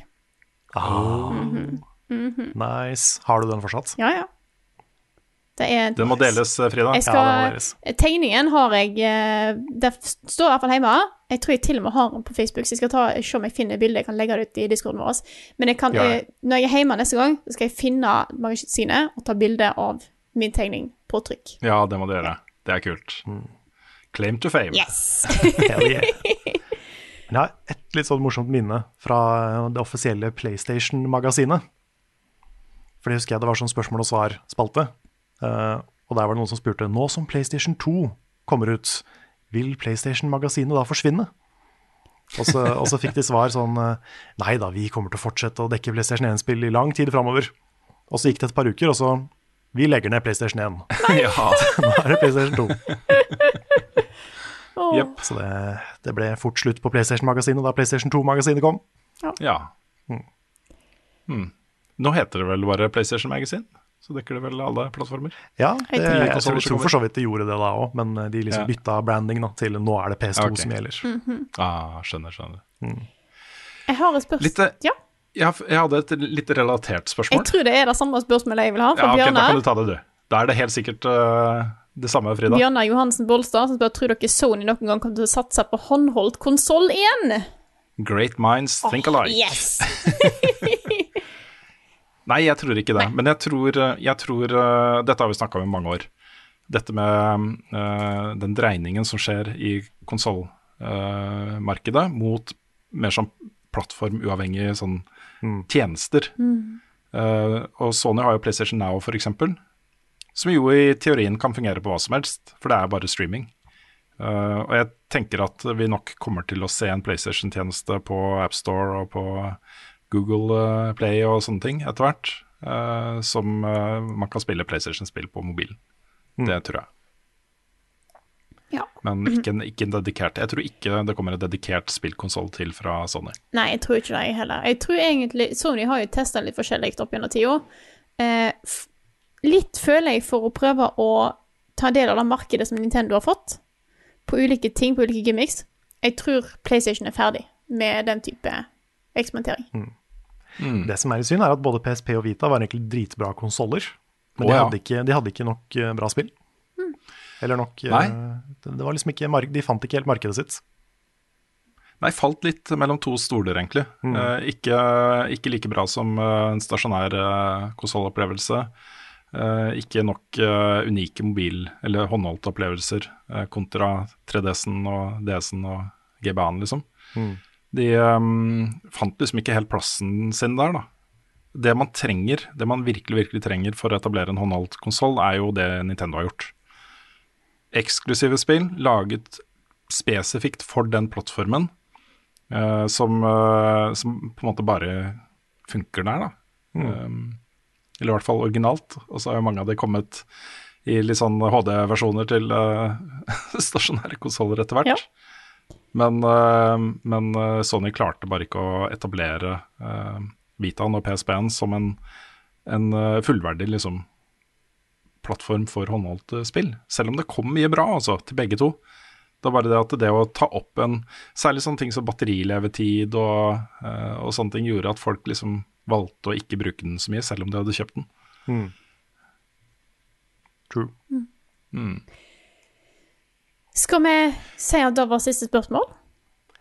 Ja, det passer jo fint. Da rekker vi å spise lunsj og alt mulig rart. Høres bra ut. Da eh, setter jeg i gang med avslutningen. Dette her er en podkast utgitt av moderne medier. Låten i introen og outroen er skrevet av Ole Sønnik Larsen og arrangert og framført av Kyoshu Orkestra.